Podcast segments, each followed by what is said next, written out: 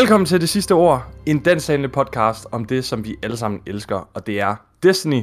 Mit navn, det er Mika, og det er mega lækkert at være tilbage og skulle optage podcast og snakke om Destiny og sådan noget.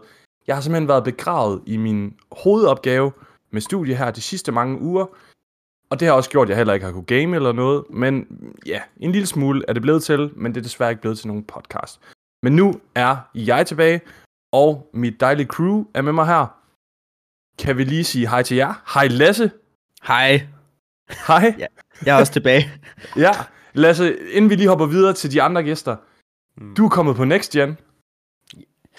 Jeg har simpelthen taget den store, det store spring. Ja. Jeg har købt mig en lille Xbox, men den lille... Ja, den forkerte den, Next Gen. Den helt lille Xbox. Og meget Ej, vel, velkommen til. Øh, det er jo mega Jo, lækkert. tak. Det er selvfølgelig lidt sørgeligt med, med, med Game Pass og, øh, og Xbox DLC og sådan noget, men, uh, Ja. og Destiny DLC, men uh, sådan er det. Ja, sådan er det. Men i det hvert fald, så, øh, så er du med nu. Og nu er der jo crossplay, så det er rigtig godt. Udover Lasse, så har jeg faktisk, eller så har vi, ikke bare én gæst i dag, men vi har to gæster i dag. Og det er to gæster, der har været her før. Den første, det er Rasmus. Velkommen til dig. Tak. Hej. Hej med dig. Jeg kan ikke huske, hvornår du var med, men det var en af de første sådan, episoder, der udkom eller sådan noget. Du har faktisk været med to gange. Jeg tror, du er vores mest øh, tilbagevendende gæst. Du smed mig ind på et booty call på et tidspunkt, tror jeg. Nærmest. Ja. Lige, øh, hvor Lasse ikke kunne være med. Ja. Hvem skal jeg ringe til? Ah, jeg lyder lige. Kom, Rasmus! ja, sådan kan det gå. Øhm, du spiller rigtig meget Destiny, og er en af de bedste Destiny-spillere i Danmark, ved jeg. Det har du i hvert fald selv sagt rigtig mange Ej, gange. det har jeg aldrig sagt. Du snakker ikke om andet. Ej, hvad, hvad kan du godt lide at spille i Destiny? Hvad er din yndlingsting? Bare lige hurtigt. Det er Raids. Ja, fedt. Og den anden gæst, vi har med os i aften, hvis han ellers øh, kan høre mig, fordi han har haft lidt problemer med lyd og internet og så videre, det er Rudi Ryge. Ej, jeg må ikke sige efternavn, må jeg det? Ej, det er trods alt med gamertag, Højgaard, så jeg tænker, Okay. Ja, fair nok. ja, det er med jeg tænker. Velkommen Jeg til Rudi selv. Ryge. Og nu kan vi høre det. Kan I høre det? Nu begynder vi at snakke ind over hinanden og sådan noget. Men øh, hvad- skal jeg fortsætte nu så på den der? Ja. eller? Okay. Og du må gerne... Rudi, du må gerne præsentere dig selv, og så klip, skal jeg nok lige klippe det, så det ikke lyder som en Nej, behold det. trafikuheld. okay. Ærligt. Jamen, tak fordi I må være med igen. Øh, og som vi ikke har nævnt, så er der lidt problemer med lyden, men øh, vi prøver at se, hvordan det går. Og jeg prøver at bryde ind der, hvor, øh, hvor det giver mening. Yes. Rudi, hvad kan du godt lide at spille ved Destiny? Jamen, øh, lige nu er jeg jo sindssygt glad ved Trials, faktisk. Ja. Øh, fordi det faktisk kan lykkes mig at komme i Lighthouse. Så, øh, så den game mode synes jeg er mega interessant, selvom jeg også fik øh, virkelig mange høv i går. Har du Øh, været i Lighthouse ma- mange weekender i streg? Øh, jeg tror, jeg har været i Lighthouse de weekender, hvor jeg har prøvet. Så vidt jeg kan Uh. huske. Det er jo en ret god øh, succesrate, kan man sige. Altså i den nye sæson. Ja, ja, ja, selvfølgelig. Ja. Ja. Okay, fedt. Øhm, I den her episode, så skal vi snakke om øh, halvdelen af episoden, hvis ikke mere, det kommer til at handle om twarps. Og rigtig meget sandkassenørderi, fordi det er det, der basically er sket i Destiny de sidste par uger. Men inden vi dykker ned i det, så skal vi lige snakke omkring 30th Anniversary Expansion, som kommer her den 7. december til Destiny. Det bliver mega fedt. Så har vi et par andre små nyheder. Dem vil jeg lige lade jer sidde og sådan blive lidt hype på og tænke, uh, hvad er det, vi skal snakke om? Så det får I ikke at vide, kære lytter. Og så skal vi snakke om tre twarps. Den, der udkom den 11. november, den 18. november og den 24. november. Bare lige for god ordens skyld, så sidder vi i dag og optager, og det er den 28. november. Klokken 19.45 om aftenen, så ved I det helt specifikt. Jeg sidder i Aarhus. Jeg må gerne komme forbi. Øhm, men Lasse, du har noget musik, vi skal høre. Ja, til den første pause. Så øh, nu når vi skal snakke om 30th anniversary, så kan vi lige så godt bare køre all in på øh, nostalgi, så vi spiller øh, Guardian fra Destiny 1. Har vi hørt den før? Det kan jeg ikke huske, og det kan vores lyttere heller ikke. Nej, det kan I faktisk overhovedet ikke lytte. Slet jeres kommentar, hvis det er. Slet jeres kommentar. Hvis der er nogen, der kan huske, hvornår vi har brugt den her helt specifikt i podcasten, så skriv ind, så skal jeg nok mobile pay dig personligt 20 kroner, så du kan gå ud og købe lidt fredagslæg, okay? Men så skal jeg også skrive det ind, så det, der er en reward her at fange. Lasse, musikken den kommer her. Ja.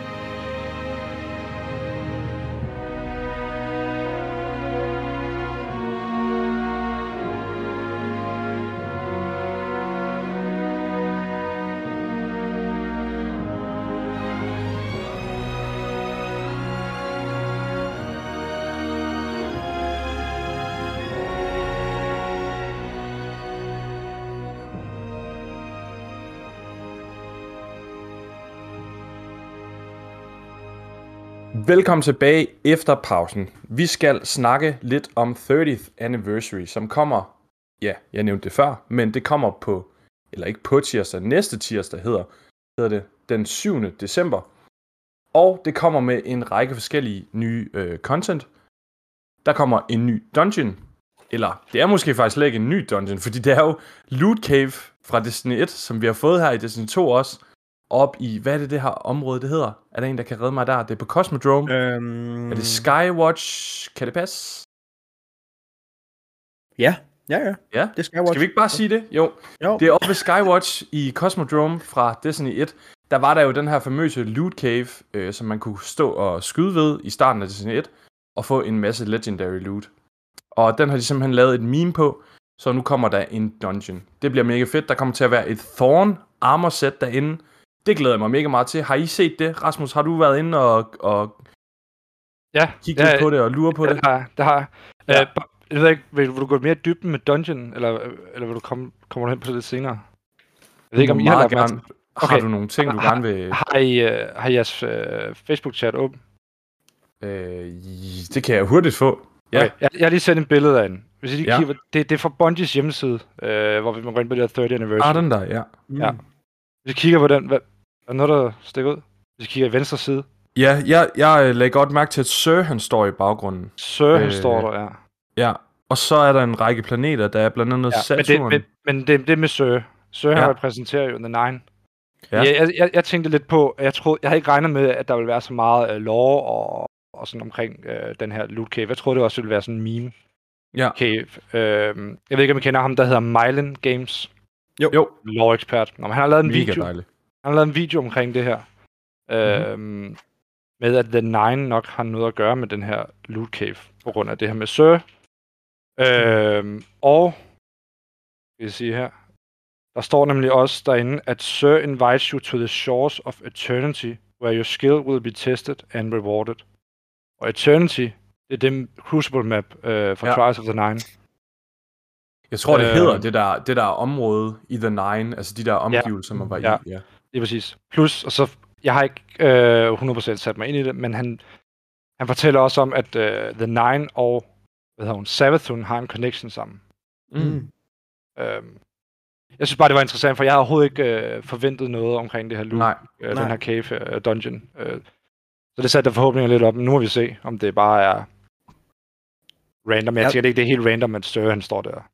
Jeg tænker, hvis de kører fuld meme, så tror jeg godt, at det kan det ikke passe, at vi får Gallahorn gennem den dungeon der. Nej.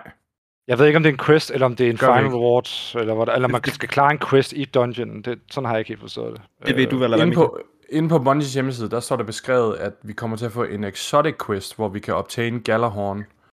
hvor efter vi så kan gå ind og smadre ting med den inde i dungeon. Altså min, Okay. min teori, den går på, at Galahorn, den kommer til at være fucking OP inde i dungeon, bare for at meme ud over det. Altså ja. Ja. det kommer til at være, være det våben, du bruger inde i den dungeon, fordi det smadrer alt. Og det vil være sådan et contained område, hvor vi kan gå ind og virkelig sådan have nostalgihatten på, og hygge os med de gode gamle dage, hvor Galahorn var et bæst, uden at ødelægge sådan sandkassen generelt. Fordi jeg tænkte ellers, at der ville være en relation mellem, at Galahorn blev solgt af Sir, Nå, som en af de første exotics, at det kunne være, at det var sådan Ja. man gik ind og så købte den bare af ham. ja. Jeg tænkte nu også, det der med, at Øh. Søren var med, det er også lidt et meme. Efter, han er Ja, ja, er meme efterhånden, ikke? så det kunne også godt Ja. være. Så jeg ved ikke, om det er seriøst, eller om det er... Om der er noget Men- mere dyb, dybde bag. Der, der kommer også et six-player ma- matchmade aktivitet, ikke? Kan, er det Jo, den, men der det er free to play. Det er free to play, så det, det kan alle spille. Det er rigtigt Ja. godt. Øhm, men i hvert fald, der kommer et mega fedt Thorn armor set. Øh, jeg elsker Thorn. Jeg synes, den er mega cool, så det bliver bare mega fedt at kan gå rundt og strutte med en masse pigge på sin krop. Så det bliver rigtig godt. Som sagt, ja, der kommer en Galahorn Exotic Quest også. Og så kommer der en hel masse loot fra Bungies 30 år som game- eller spiludvikler. Og hvis man har været inde og kigge på nogle af de ornaments, nu ved jeg godt, kære lytter, den her, den kan I måske ikke være super meget med på. Men det ornament, der kommer til Hunter, det ligner lidt Rudi lige nu i podcasten. er det ikke rigtigt? Det er rigtigt, det er fandme rigtigt. du mangler bare lige nogle solbriller, Rudi, så tror jeg, du Og en lille hue. Han sidder og griner, ja. Nå, øhm, De kommer på hvad, det. hvad hedder... Ja. Er to solbriller. Rudi er Hunter main. Det er faktisk. Åh, han er Hunter Main, ja. Nå, øhm, men ja, der kommer i hvert fald nogle mega fede ornaments fra nogle af alle de her spil, Bungie de har udviklet. Der kommer noget fra Halo, noget fra Marathon, Destiny, så kan jeg simpelthen ikke flere øh, titler fra Bungie, må jeg nok indrømme. men øh, det er i hvert fald alle mulige lækre spil, som Bungie de har lavet igennem tiden. Labyrinth, kan jeg huske, der er noget, der hedder også. Øh, Myth.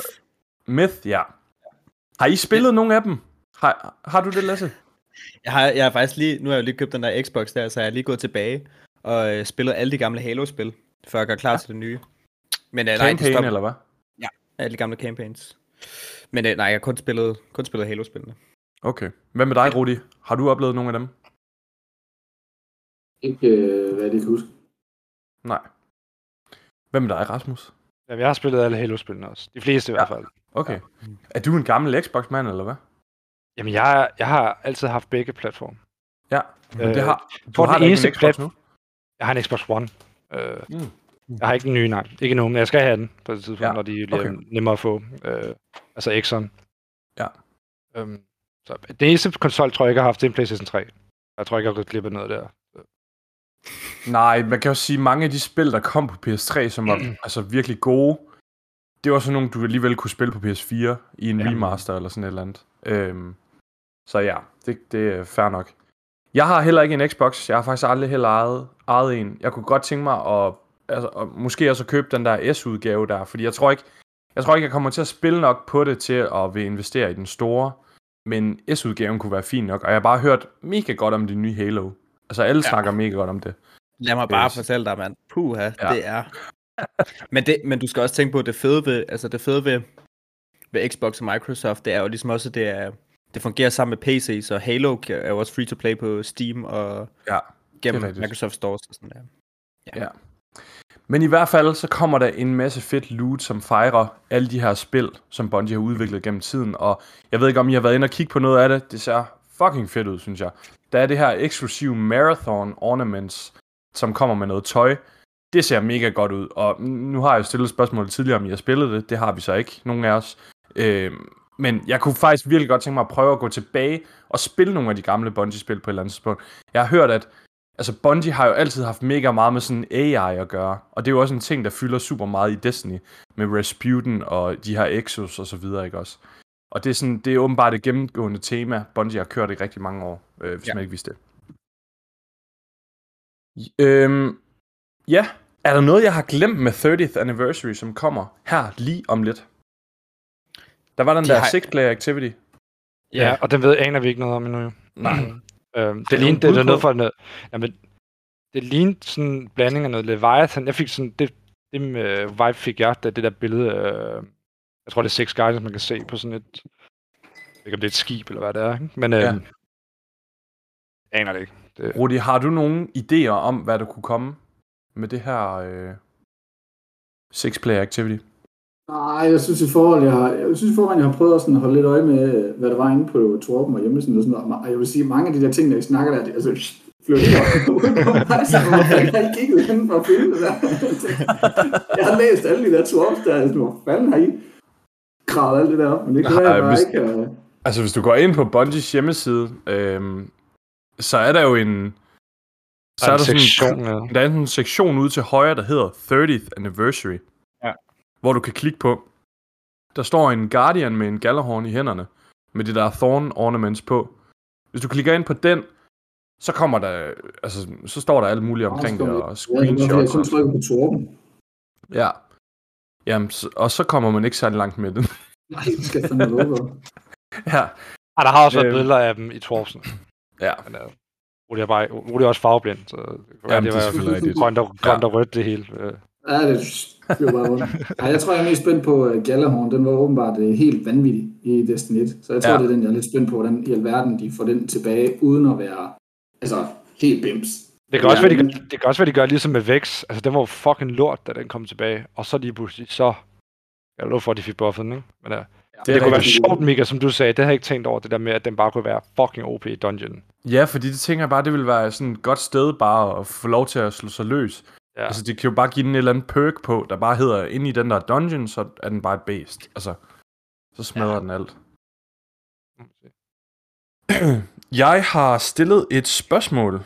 Nu kan jeg slet ikke huske, hvad vi blev enige om, Lasse. Var det mig eller dig?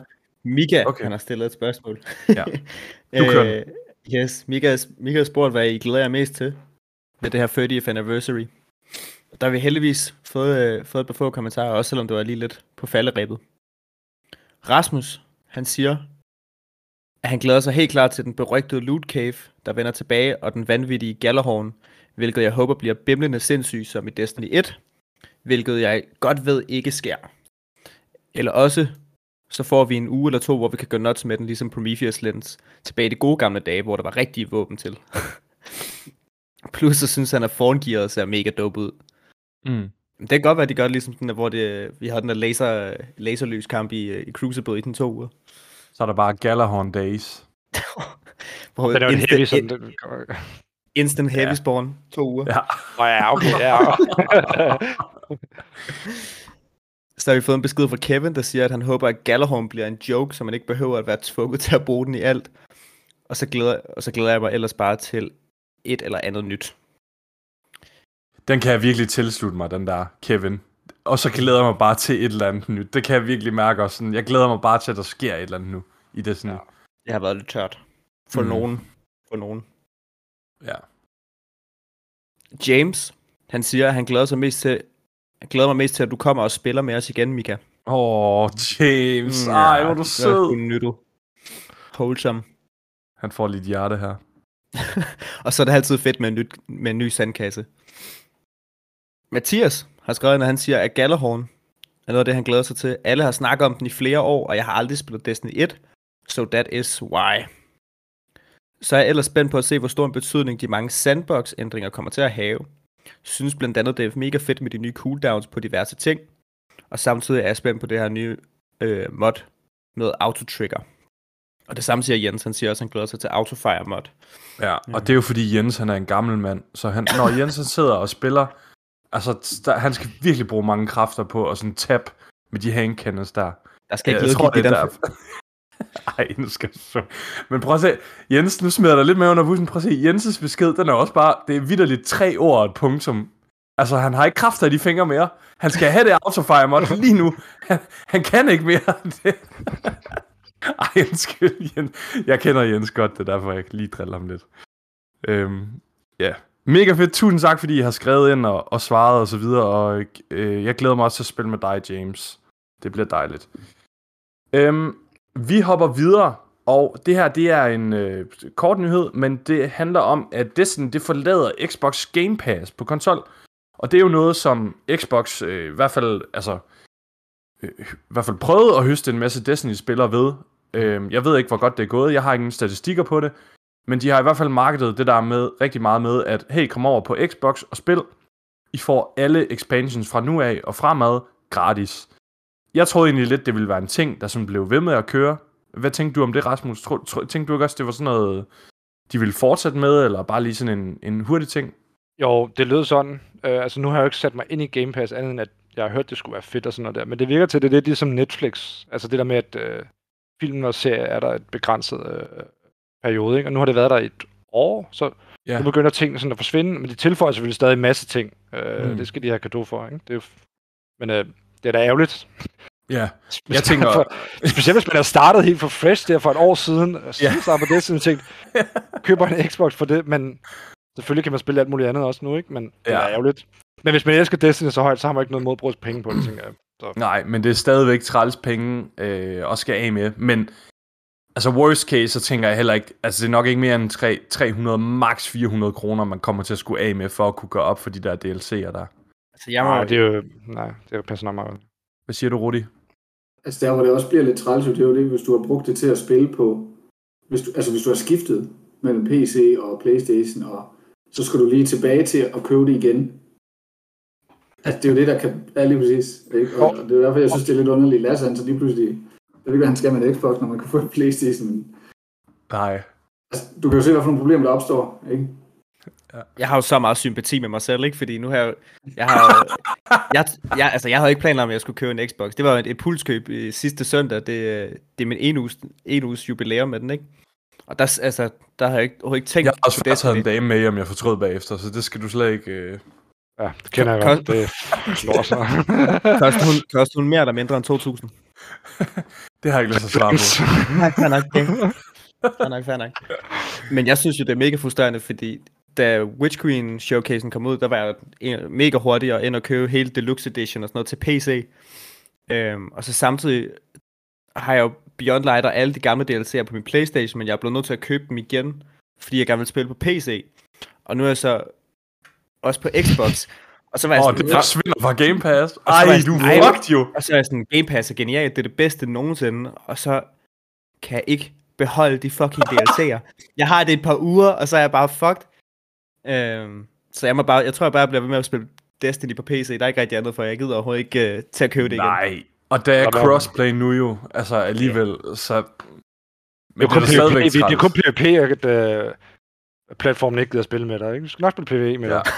det er rigtigt. Ja, Men, virkelig sandt. men man kan sige, det, vi har heller ikke rigtig hørt noget omkring Witch Queen. Øh, jeg, jeg føler lidt, det ville have kommet ud, hvis det var, at Witch Queen kom til Game Pass. Det gør det ikke. Det gør det ikke. Det har det det lidt ud i Torben. Det har de nok så godt. Ja, det har de meldt ud, og alt hvad der er, det forsvinder jo. Så du Ja. kommer til at skulle købe Beyond Light og alt det der. Hvis Man har i er hvert fald haft en ret god trial-periode. Det bedste Det New Light, bedste New Light experience har været på Game Pass. Ja, det tror jeg faktisk. Du har helt ret i. Så er der en eller anden dude på Reddit, der har simpelthen fucket op fuldstændig. og det, det kommer ud af, hvis min computer lige gider at load det her freaking link, det kommer ud af, at der er en dude inde på Reddit, som er, har fundet en eller anden kommentar for tre år siden, som, hvor der er en, der, ham her, der har fundet det, han hedder Sir Francis Bacon. Ja, det er nogle sjove navne, vi kommer til at arbejde med nu, okay? Den må jeg lige kunne leve med. Reddit. Francis Bacon, han har fundet ud af, at der er en bruger, der hedder Argorps, som har sagt for tre år siden, at han ville spise en hel øh, bøtte pickles. Hvad kalder man sådan på dan- hvad, hvad, er Syltede agurker. Ja, syltede agurker. Et glas. Et glas, ja, det var det ord, jeg manglede. Tak. Gud. Shit, det er længe siden, vi har lavet podcast. Det kan jeg godt mærke. øhm, at han ville spise en hel, et helt glas af, med pickles, hvis The Drifter ikke er Shin Malfoy. Og det har vi jo fundet ud af, at han ikke er. Og han har simpelthen, der er ingen, der har callet den her bruger Argops ud på det. Så nu har Sir Francis Bacon simpelthen lavet et opslag, hvor han kalder ham ud på det. Og Argops, han har lavet en kommentar, der hedder, I have been called, I must answer always. Så han kommer simpelthen til at lave, det, det, altså beklager det her, det kommer lidt for sent ud til jer lyttere, men i aften, dansk tid kl. 11, der vil han livestreame det på sin Twitch-kanal, hvor han sidder og spiser et helt glas pickles. Fordi Drifteren ikke er generet for, jeg synes simpelthen, det er så grineren. Øh, ja, det er, men, øh, det, det er sådan, måske næsten sådan noget, vi, vi godt kunne lave her i podcasten. Det kunne være ret sjovt. Jeg vil også gerne lige understrege, at han har, han har skrevet som sådan en edit til sin egen kommentar, at han har skrevet, at hvis han drikker det juice, der følger med i sådan øh, syltet agurkglas, det har en realistisk chance for at dræbe ham, eller i hvert fald skrømpe hans hjerne. det synes jeg er helt fantastisk. Stjernen bliver bare pickled. Han går fra en Warlock til en Titan på et, på et enkelt glas pickles. Ja. Øhm, den sidste nyhed for denne uge, det er, øh, jeg ved ikke om nogen af jer lytter til The DCP-podcasten. Gør I det? I nikker alle sammen. Ja. Øhm, lytter I til alle episoder, eller er det kun sådan øh, main-episoderne? Rudi? Jeg lytter, Øh, øh, både, øh, nej, altså kun Destiny, og så den der firing range, de har. Okay. Ja. Og hvem er dig, Rasmus? sammen. Og Lasse også? Øh, Også jeg, samme. jeg hører faktisk ikke meget firing range. Jeg prøver. Nej, okay. Jeg er lige begyndt Det burde du. Der er masser af sandbox. Jeg har lige begyndt at høre lidt af det. Det er mega fedt. Ja. Det er rigtig godt. Øh, Jeg plejede også at lytte til det, men jeg har simpelthen ikke, altså, jeg, jeg lytter, jeg er en, en rigtig habil lytter af Her går det godt podcast også, og den har jeg simpelthen ikke fået lyttet til den sidste halvanden, to måneder, også på grund af, at jeg sidder med opgaver og har praktik og alt sådan noget. Så jeg har simpelthen ikke fået lyttet til noget DCP, men jeg har da altid lige lidt tid til kære dejlige Astacross inde på YouTube.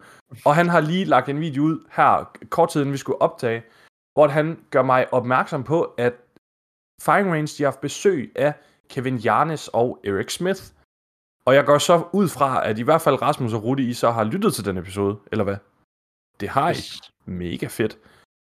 Astacross, han dykker i hvert fald ned i alle mulige ting, men og det gør de også i podcasten, men det allervigtigste, man skal tage med fra den, i hvert fald for mit vedkommende, det er, at de lægger vægt på, at Destiny har aldrig haft en større sandbox-team, end de har lige nu. Og jeg synes virkelig også, det er noget, man kan mærke. Rasmus, nu kom du jo ind med Forsaken i Destiny 2. Har du kunne mærke, at patches og updates og sandbox developments osv., at det er steget over tid? Ja, altså hvis du bare... Nu, jeg har også set Acid video. Den, han, jeg tror, det er to-tre timer siden, han lagde den op. Ja. Det der med, at bare han siger, at i år har vi haft hvad var det, fire eller fem Mm. ret store sandbox-ændringer, ikke? Altså, så det der med, at folk siger, at, øh, at de ikke playtester det, og de ikke er nok folk, og de tager det ikke seriøst, og bla, bla, det skal de i hvert fald... Det gør de i hvert fald, hvis vi kigger på i år. Altså, det, Ja. det er helt vildt. Øh, og jeg tror, jeg mener også, Bungie bliver ved med at smide sådan post op, og de hyrer folk. De bliver ved med at hyre folk. Ja. Øhm, så Altså, fordi ja. Dengang du begyndte med...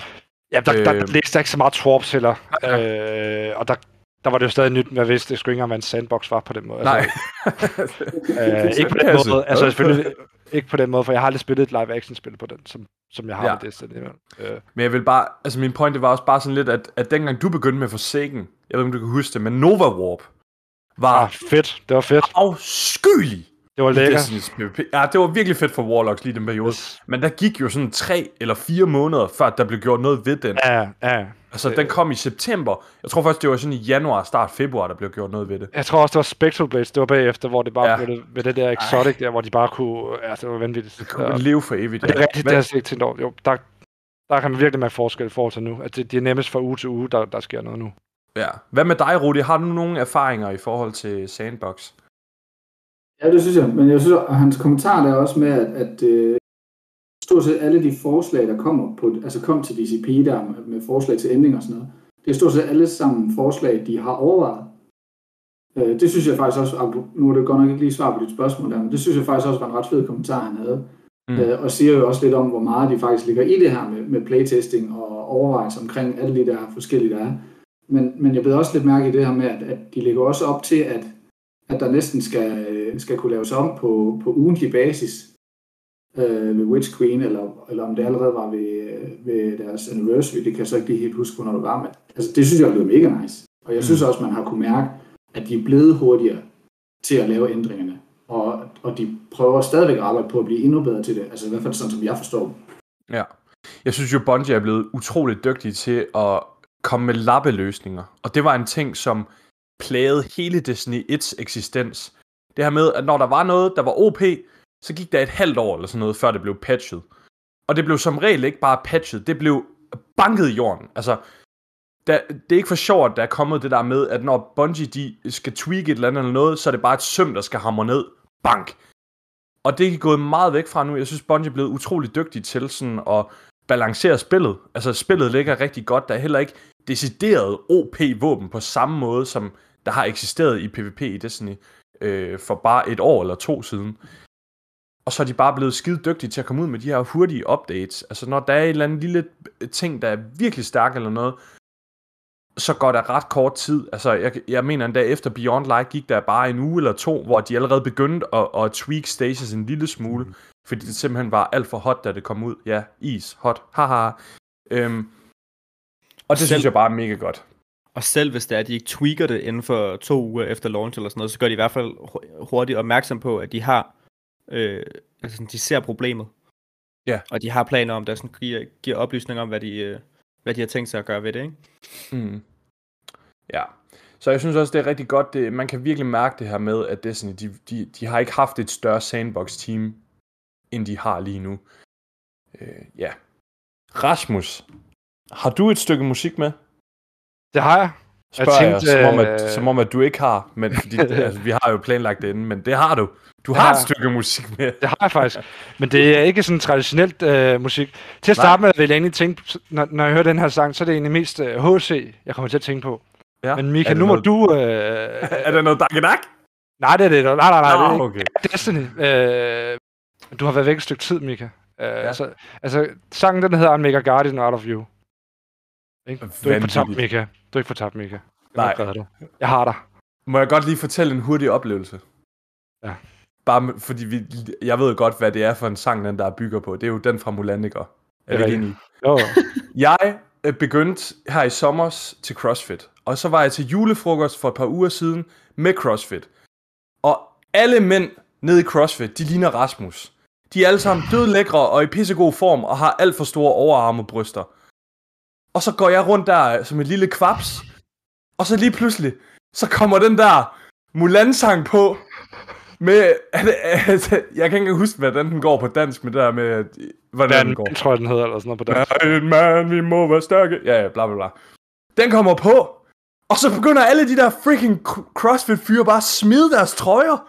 Og det er altså sådan, der var 300 i alt eller sådan noget dernede. Og det er cirka halvdelen af jo mænd. Ah, okay, måske, måske sådan lidt mere. Sådan 180 af dem er mænd. Og alle smider deres skjorter og går rundt i de sygeste overkroppe. Og så står jeg bare i min hvide skjort og hygger mig sådan. Og der kommer så fem fyre op bagfra og begynder at prøve at knappe min skjorte også op. Altså, og hver gang var der et lille håb i mig, der tænkte, uh, er det en pige den her gang? Nej, nej, det var bare en eller anden fyr med svulmende bryster, der kommer der og vil se min overkrop åbenbart. Jeg endte ikke mere til skjorten af, fordi det, der går lige et par år, før jeg også er der. Men jeg er så klar på at høre den der sang, fordi jeg blev varmet op til den forleden. Lad os det høre den. Nu har du fået noget motivation nu i hvert fald. Ja! Yeah.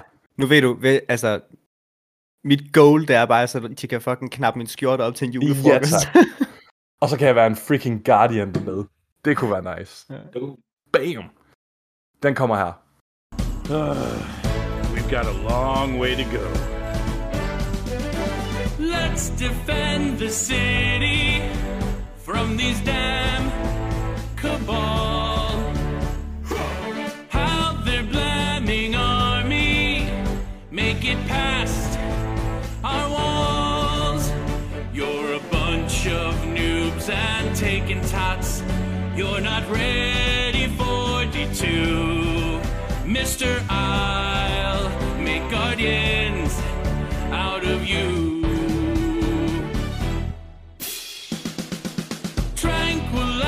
A warlock, praxic fire within. Once you join the vanguard, we are sure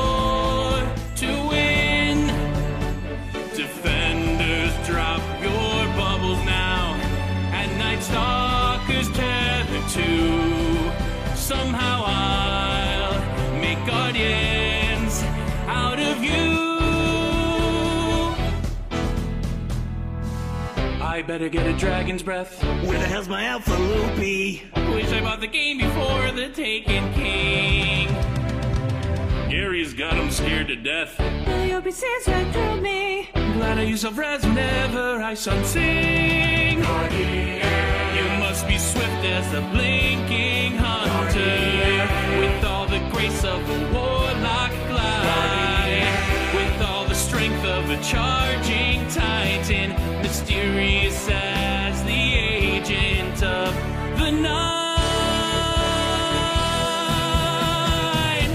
Time is racing toward us till September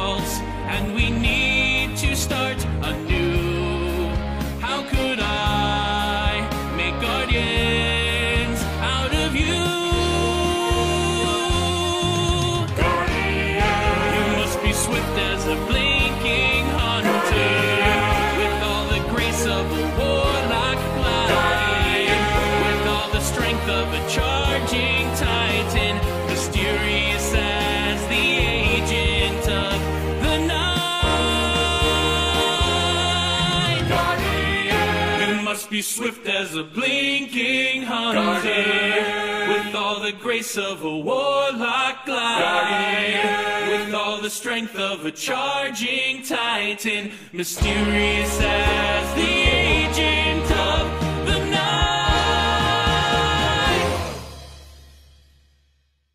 Velkommen tilbage. Nu håber jeg, at vi alle sammen er blevet en rigtig mand eller guardian efter det der fantastiske stykke musik. Jeg kan i hvert fald afsløre, at jeg næsten var tæt på at smide trøjen, men øh, det skete ikke. Desværre.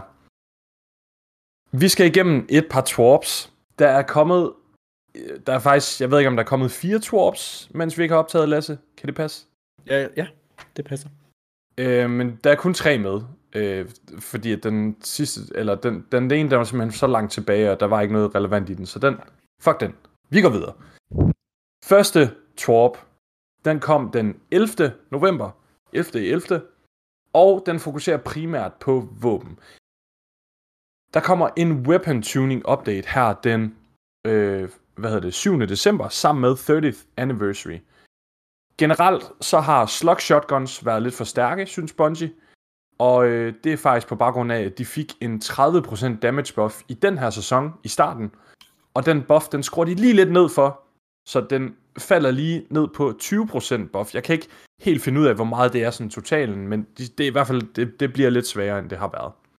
Linear Fusions, de får 10% i damage buff, og så sidder man sikkert og tænker, what the heck? Bungie, de er jo allerede sygt stærke. Hvorfor skal Linear Fusions have en buff? De er kun stærke lige nu på grund af, at de har det her øh, mod, der hedder par, par, er det Particle Accelerator? Er det kan Particle Deconstruction. Deconstruction, ja. Så kan I, der kan I selv høre, hvor lang tid siden, der jeg spillede det. Lige modsat. Totalt ukvalificeret til at sidde her og prøve at lave en podcast om noget, jeg ikke ved, hvad er. Altså, det... øhm, Caster Swords, de kommer til at... Altså, det er de her svær, for eksempel, der kaster med ting, øh, der sådan kan skyde et eller andet sted. Vi har Solars Scar, tror jeg, den hedder, inden fra Trials. Og så har vi den der Ark-ting, vi fik med Season of Arrivals i sin tid. Noget med hook. Ja, hook et eller andet. Hook-sværet. De skud, de plejer at koste 8, og det bliver skruet ned til 5, så de bliver lidt mere øh, brugbare. Og så får bows generelt en 10% damage buff mod rank and file enemies, og det er de små fjender med rødt liv. Du glemte uh, pellet shotguns. Ja, hvad har jeg glemt der? De får også en 10% buff. Mod rank and file? Nej, Eller- pellet shotguns får bare en 10% buff. Nå, Ligesom, at, at fordi slugs, de bliver jo nerfed en lille smule, ikke? Og så, Ja. så prøver de at buff uh, pellets, for at se om... Uh, jamen det er, det er bare i PvE, ikke? Jo. Ja, godt, godt, godt. Altså, hvis der er noget, jeg har glemt, så skal I det er ligesom, altså. Aikilas shotgun for Ja. eksempel, den var jo uh, meta på et tidspunkt. Ja, det er rigtigt. Så jeg siger ikke, den bliver meta nu, det tror jeg ikke. Jeg tror stadig, slugs for eksempel er bedre. Uh, Ja. Men uh, de giver den en lille Det buff. er, ri- men det er rigtigt, den var super meta på et tidspunkt, det kan jeg godt huske. Øhm, så hopper vi ned i en hel masse exotics. Først og fremmest så har vi vores allesammens kære barn, Vex Mythoclast. som vi alle sammen har, ikke?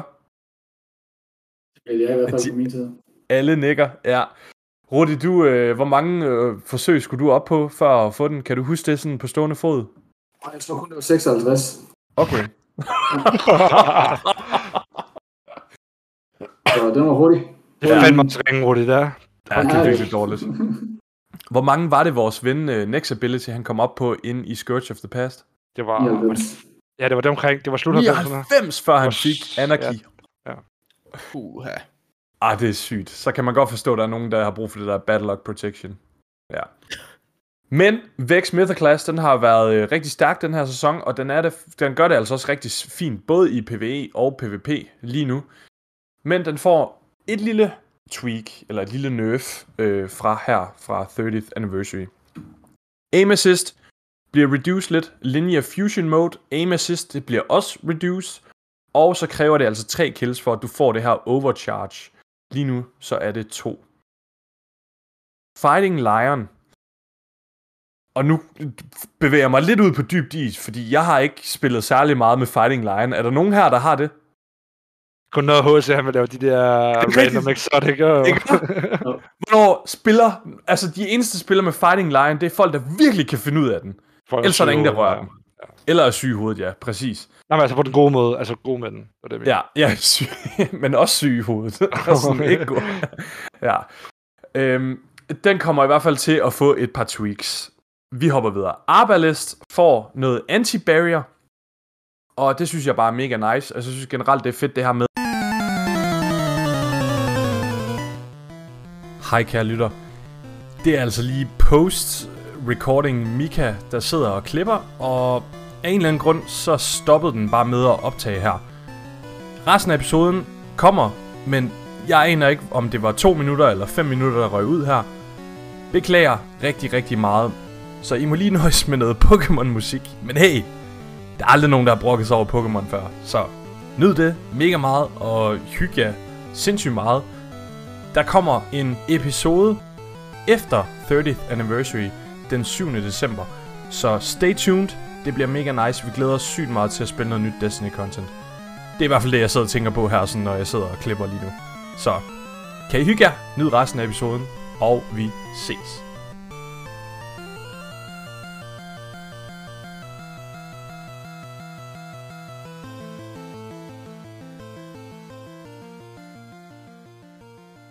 Udover de de giver 10%, exotics. du har nævnt, by the way. Ja, ja, det er rigtigt. 10% til Linear Fusions generelt, og så 6% specifikt til Sleeper Simulant. Og magazine size, den går også op fra 3 til 4, så spændende om vi kommer til at se noget mere Sleeper Simulant i næste sæson. Surus Regime, dens langsomme mode, jeg kan ikke huske, hvad den hedder, Dual Speed Receiver eller sådan et eller andet, den får et lille range buff og en zoom buff. Så det giver god mening. Crystigia, en af de værste exotics i spillet. Altså, den er øh, virkelig kedelig. Øh, jeg håber ikke, jeg træder nogen over tæerne, når jeg siger det, men hold kæft, den er dårlig. Den kommer de til at ændre på nu, og grunden til, at de har været meget forsigtige med den, øh, og de launchede den altså så dårlig, som den var, det var faktisk på grund af, at Stasis, det har været så meget et, et terror inde i PvP, så de har været utrolig bange for, at den skulle komme og dominere. Og det var også noget af det, som vi frygtede rigtig meget, inden den udkom, kan jeg huske.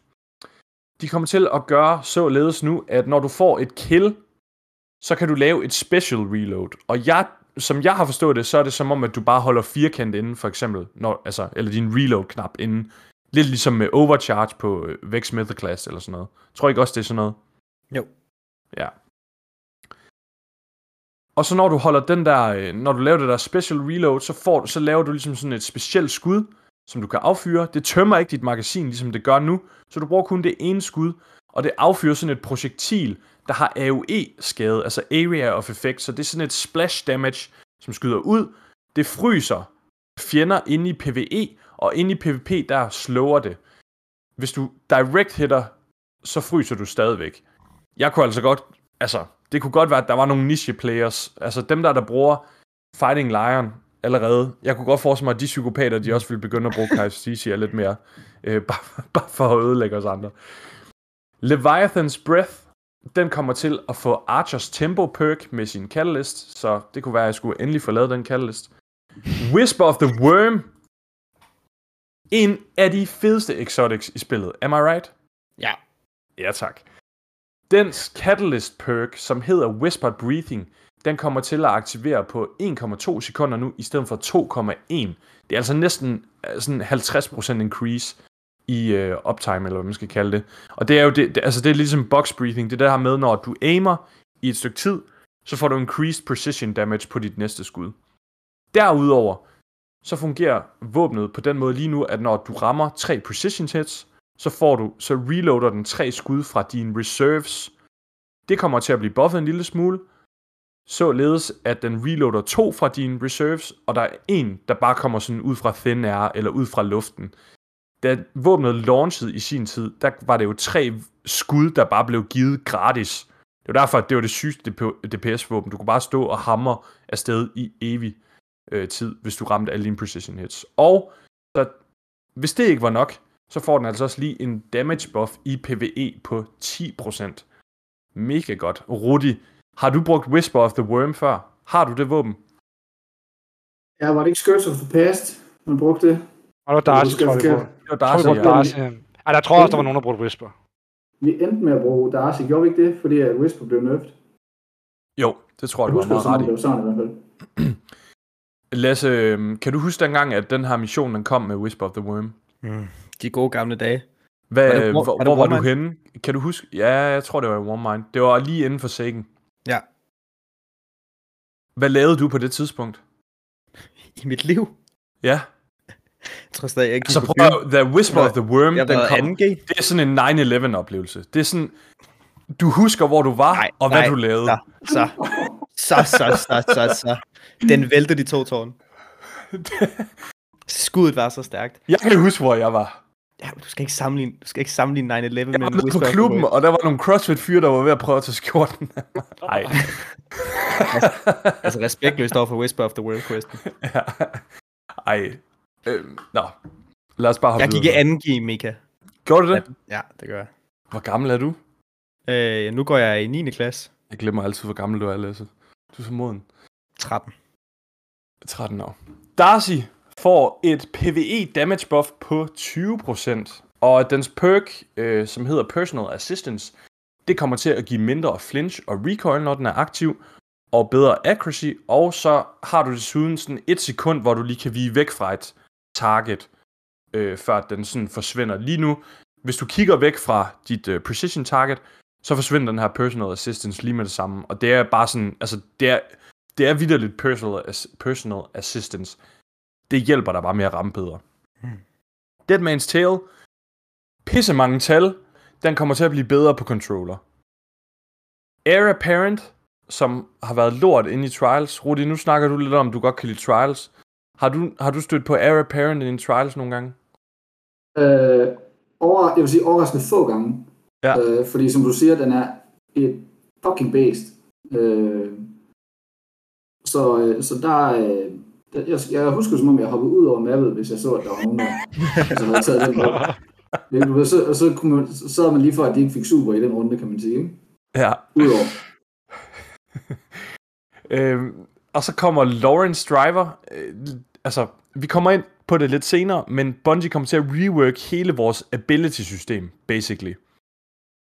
Og derved så tuner de ligesom også lidt ned for alle de her våben, som giver ability regeneration. Og der er Lawrence Driver altså et af de våben. Når du samler en af de her tags op, så får du noget energy tilbage på dine abilities. Traveler's Chosen får også et lille øh, minor rework. Den kommer til at, når du får et Guardian Kill, så giver det to stacks, i stedet for, jeg tror nu måske tre lige nu. Yes. Øhm, hvad? Ja, okay. Ja, ikke? Jo. Og når du så reloader din Traveler's Chosen, våbnet fungerer på den måde lige nu, at jo færre stacks du har, jo mere energi får du faktisk tilbage i forhold til, hvor mange stacks du har. Altså selvfølgelig, hvis du har fuld stacks og reloader, så får du mere energi tilbage. Sådan, hvis du reloader med en stack, så får du måske 20%, og hvis du reloader med to stacks, så får du måske 30% tilbage. Det kommer til at rework, så for hver stack du har, op til 10 stacks, så får du 10% tilbage. Perks kommer til at få et rework også, eller ikke et rework, men de kommer til at få lidt uh, tweaks. Adrenaline Junkie, som vi har hørt rigtig meget om, har I gemt en masse våben. Rasmus, er din wall fuldstændig proppet med våben med Adrenaline Junkie? Ikke proppet, men der er et par stykker efter siden Halloween, siden de nævnte ja. Jeg vil sige, jeg har virkelig bare fyret dem alt med Adrenaline Junkie, og der har set lidt interessant ud på roll. Det er bare røget ind i volden. Men nu har vi det altså. Hvad der kommer. De har kaldt den sådan internt i udvikling, sådan Adrenaline Buckler, tror jeg, de kaldte den, eller, eller sådan et eller andet. Og det er lidt et tweak på Swashbuckler-perket. Du kommer til at kunne få fem stacks, og et granatkill, det giver dig altså instantly fem stacks. Og når du kører på de her stacks her, så laver du increased damage, alt det for mange stacks du har. Hvis du så dræber en fjende, eller en combatant, eller et eller andet, så forlænger det de stacks, du har på våbnet, og tilføjer en stacks. Den der duration, du har increased damage på, den kommer til at gå ned. Lige nu tror jeg, den ligger på 10 sekunder. Warped Weapon giver lige nu en 15% flat damage bonus mod bosser og champions og... Er det ikke det, det? Bosser og champions? Vehicles, Guardians. Ja, og Vehicles, ja, det er rigtigt. Og Guardians i Super. Øhm, og de kommer til at tone lidt ned for det, fordi at Bungie har en idé om, at vi skal mere over til primary weapons og mindre væk fra... Eller, vi skal mere over på primary weapons og gunplay, end vi skal lægge på vores abilities osv. Så når du har Warped Weapon på dit heavy våben, så er det altså en 10% damage bonus. På dit special er det 15, så det bliver det samme ligesom nu. Men på dit primary weapon, der er det altså en 20% damage bonus. Jeg tror, ja, det ved jeg ikke. Rasmus, tror du, vi kommer til at bruge mere primary bare på grund af sådan en lille tweak her? Ikke på grund af det, du nævner nu, men det, der kommer senere, ja. Whirlwind Blade, som er det her spin attack, du har på din... ja, det var en meget god impression. Det er det, Jeg der ved, jeg kan mangler i den her podcast. Der mangler flere lydeffekter. Ja. På det her svær, hvad, nu, hvad fuck er det, det hedder svær? Og Dark Drinker? Nej, det Okay, Hvem, I må ikke kigge på jeres stemme. Vi skal sidde i pinlig tavshed, indtil vi husker det. Er det ikke Fallen Guillotine? Damn, Ja. Øh, Rolig! der var den. Der var den. Han kiggede ned på sin telefon, jeg så det. Ja. Øh, jeg var også i gang. er det ikke... Øh, Er det ikke Falling Guillotine, som der står lige her? Nå, jo. Hvor vi her på mur. Ja, fedt. øhm, Falling Guillotine har det, og så har den der, øh, det der Warlock-specifikke svær, det har også det her perk. Og det er det her med, at du snor rundt. Og de stacks, du bruger på det lige nu, så er det 5 stacks, det kommer til at gå op på 10. Pulse Monitor, som er et kæmpe sleeper perk for mega mange mennesker. Jeg plejer ofte at køre det på mit våben, øh, mit heavy våben inde i PvP faktisk. Fordi at Pulse Monitor fungerer på den måde, at når du tager skade, eller bliver critically wounded, som det hedder, så aktiverer Pulse Monitor på det våben, som du ikke engang har altså equipped. Så det kan godt være, at som, som regel kører det på mit heavy weapon, som ligger på, om på min ryg. Når jeg så bliver critically wounded, når, mens jeg løber rundt med min last word, så aktiverer der sådan en uh, handling bonus, på trods af, at jeg ikke engang har det våben equipped. Det er altså super lækkert bare sådan at have en bonus, der ligger i baggrunden. Men Pulse Monitor, det kommer til at blive... Lige nu så trigger det, når du rører ned på 90% health. Og hvis vi skal se det i det store hele, så har vi 100% shield og 100% health. Så det vil sige, at du har mistet 100% af dit shield, og så har du mistet 10% af dit health. Så er du nede på 90% health. Godt. Det kommer de til at ændre således, at det er når du er nede på 30% af dit shield, at du får den her handling bonus buff. Det er, jeg tror faktisk, det kunne godt gå hen og blive lidt stort. Øhm, og hvis man ikke allerede har prøvet det af, prøv det bare lige af. Det fungerer altså rigtig fint. Det er selvfølgelig ikke air apparent, når du så endelig får heavy, men øh, man kan jo skifte. Mods kommer der til at blive ændret lidt på os. Vi har det her mod lige nu, som hedder Quick Access Sling. Et mod, som man faktisk nærmest kun udelukkende bruger på grenade launchers og buer, hvis jeg ikke tager fejl. Og det er, når at du skyder det sidste skud af i dit magasin, og en bue har jo ikke et magasin, så det er bare en enkelt bue skud, så kan du skifte våben super hurtigt. Og det er der mange, der har kørt med, for eksempel på en Boo hand cannon combo eller sådan noget. Den kommer de til at fjerne den her handling fra nu, fordi du, får, du har faktisk en handling bonus i, i, lige i det, du skifter også. Og i stedet for, så har den bare en meget højere stow time nu. Øhm, så det bliver også spændende at se, om det kommer til at påvirke. Full auto retrofit, og det er jo det, vores kære Jens, han har glædet sig sindssygt meget til med de ødelagte fingre. Øh, det her mod, som vi kommer til at kunne smide på vores våben, som gør det fuld auto. Rudi, du er jo også lidt oppe i årene. Hvordan, øh, er det noget, du også glæder dig til? øh, jeg er så langt op i årene, kan man sige, men øh, ja, altså, der er nogle, hvor jeg synes, det virker åndssvagt. At øh, Ja. ja, man skal, altså en øh, scout for eksempel, der synes jeg, det virker fuldstændig hul i hovedet. Øh, Specielt de hurtigt skydende. Ja, lige præcis. Så jeg kan sagtens forstå, at de tager det med ind, så det bare er der øh, almindeligt. Øh, og så er jeg da bare glad for at høre, at det ikke er noget, der skal komme på alle våben. Fordi det er jo heller ikke alle, jeg synes, det passer til. Ja. Øh, så det synes jeg, det var tiltrængt. Ja, det bliver godt. Og det er jo bare øh, en, en placeholder, indtil at det kommer ind i spillet som en, en setting-mulighed. Så kommer det bare ind som et mod lige nu.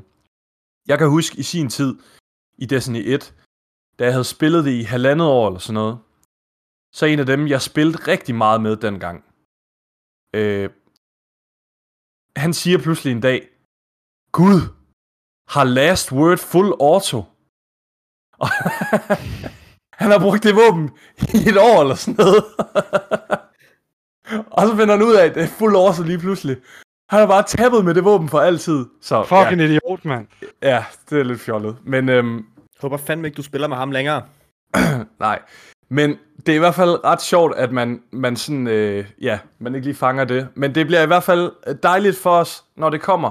På et eller andet tidspunkt, så er det jo ikke længere noget, for at lige sådan skal tænke over, øh, om, om der er fuld over eller ej. I fremtiden i Destiny, der arbejder Bungie på at finde en måde at gøre våben lidt mere unikke på. Og der kommer noget med Witch Queen, med en masse nye våben, der kommer der og de arbejder samtidig på at implementere det med gamle våben. Lasse, har du nogen som helst idé om, hvad det kunne være på stående Ja. fod? Hvad det bliver, nogle, hvad det bliver for nogle gamle våben? Nej, ikke hvad, nej, altså, de har, de, de arbejder på en måde, Hvor hvor, hvordan de at, gør dem unikke? ja, hvordan de ligesom kan gøre våbnene unikke. Nej. Altså, det, Nej. jeg tænker, de laver nogle specielle mods. Mm. Er deres bedste, er mit bedste bud, fordi det har de lidt kørt med de sidste, sidste par sæsoner, ikke? At det er det, der Ja. gør nogle, øh, nogle våben så interessante og fede, det er ligesom, at de introducerer nogle nye mods. Så jeg håber, det er det, de gør. Altså, fordi det er jo ikke et spil, hvor de kan tilføje et eller andet red dot site til, til en handcannon eller sådan noget. Hvem ved? No. Har du nogen idé om det, Rasmus? Nej, det har jeg sgu ikke. Fair nok. så tror jeg bare. Men, uh, Rudi, skal vi lige tage hele runden? Rudi, har du nogen idéer? Ej, det lyder til at være mere kreativ, end jeg er, så, så jeg tror, okay. Det noget godt. Er der så ikke lige en, der vil spørge mig? Øh, Mika, hvad tror du, der sker? Jeg er virkelig glad for, at du spurgte mig. Jeg tror, at måske det, der kunne komme til at ske, det er det her, de har snakket om med forging øh, af våben. Hvor at vi kommer til at kunne få en mulighed for at gøre våbnet meget mere personaliseret. Øhm, og nu nævnte du selv det der red dot der, Lasse. Jeg tror faktisk ikke, det er super langt væk fra øh, noget, vi kunne forestille os i Destiny, der kommer og på et eller andet tidspunkt. Det er jo noget, vi ser rigtig meget i mange andre skydespil. Det her med, at du har en unik reticle, specielt i Call of Duty og, og Battlefield er det meget øh, sådan inde, ikke? Og Det her med, at du har en unik reticle på dit våben, du kan designe farven, du kan designe størrelse osv.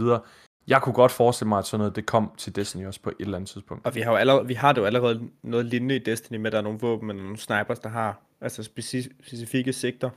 Ja. Øh, altså der har vi jo på basically alle våben efterhånden, hvor der Ja. tror, man kan vælge mellem. Så ja, det kunne Så jeg kunne godt forestille mig, at det var sådan noget i den dur. Øh, men nu må vi se. Special økonomien, special ammo økonomien i PvP, den bliver også kigget på, fordi den er også bare sådan, altså virkelig ude at skide. Øhm, og så kigger de på top performing exotics i PvP, og det er altså både våben og armor. Jeg er meget nervøs for, at mine Stormpies de bliver taget fra mig som hunter. Men øh, ja, det sker nok på et eller andet tidspunkt. Altså det har været, så i hvert fald som hunter, det er nærmest det eneste, du kan bruge ind i PvP. Mm. Dompies. Øh, og ja, det ved jeg ikke. Altså Warlocks, den her sæson, der har været rigtig meget The Stack. Ellers så var det jo primært bare øh, Transversive Steps, ikke? Altså som man løb rundt med. Og de har vel allerede snakket om en nerf til stack, Ja. mener jeg. Ja. Ja, yeah. så Ja. øhm, Våben, du, det var i PvP, du mente, ikke? Jo, Chaperone PvP. og sådan noget der, det bliver nok også... Åh oh, ja. Det har de jo sagt, det har de jo sagt faktisk. at, øh, Ja. Vi, vi kigger det er på også, Det er også en sindssyg sniper, så den, den Øh. må heller lige blive tweaked lidt. det. Der kommer vel også til at ske noget med Ashen Awake, tænker jeg for eksempel. Ja, men det tror jeg faktisk, det mener jeg, Asagros sagde i den der video der. Nå, okay. Øh, der vil ske noget med den. Fordi det er jo, den giver, ja, når vi kommer ind på abilities senere, så Ja. den er broken i forhold til, til det koncept, de vi kørte. Ja, du bare får en granat tilbage. Bum. Ja. Vi hopper videre til en pause nu. Jeg håber ikke, at øh, du er faldet i søvn, kære lytter, men øh, hvis du er, så er det altså også okay. Så kan du få lov til at vågne op til noget dejligt Destiny-musik, som Rudi han gerne vil præsentere. Øh, hvad har du med til os, Rudi? Jamen, øh, den kommer jo lidt i forlængelse af, af der også han er altså en af de der klassiske parodisange der fra Destiny, men, og nu nærmer vi os jo øh, jul.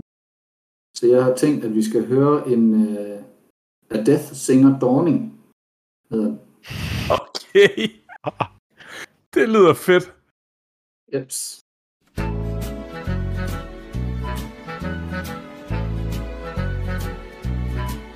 You better watch out, you better go cry, better go pout, I'm telling you why.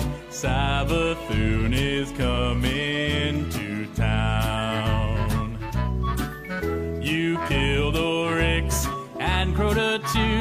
so now she's pissed and coming for you. Savathun is coming to town. Tak til Rudi for en lækker julesalme. Og hvis man lige lægger mærke til det, så den der sang, vi lige har lyttet til, Savathun is Coming to Town, den udkom i 2017.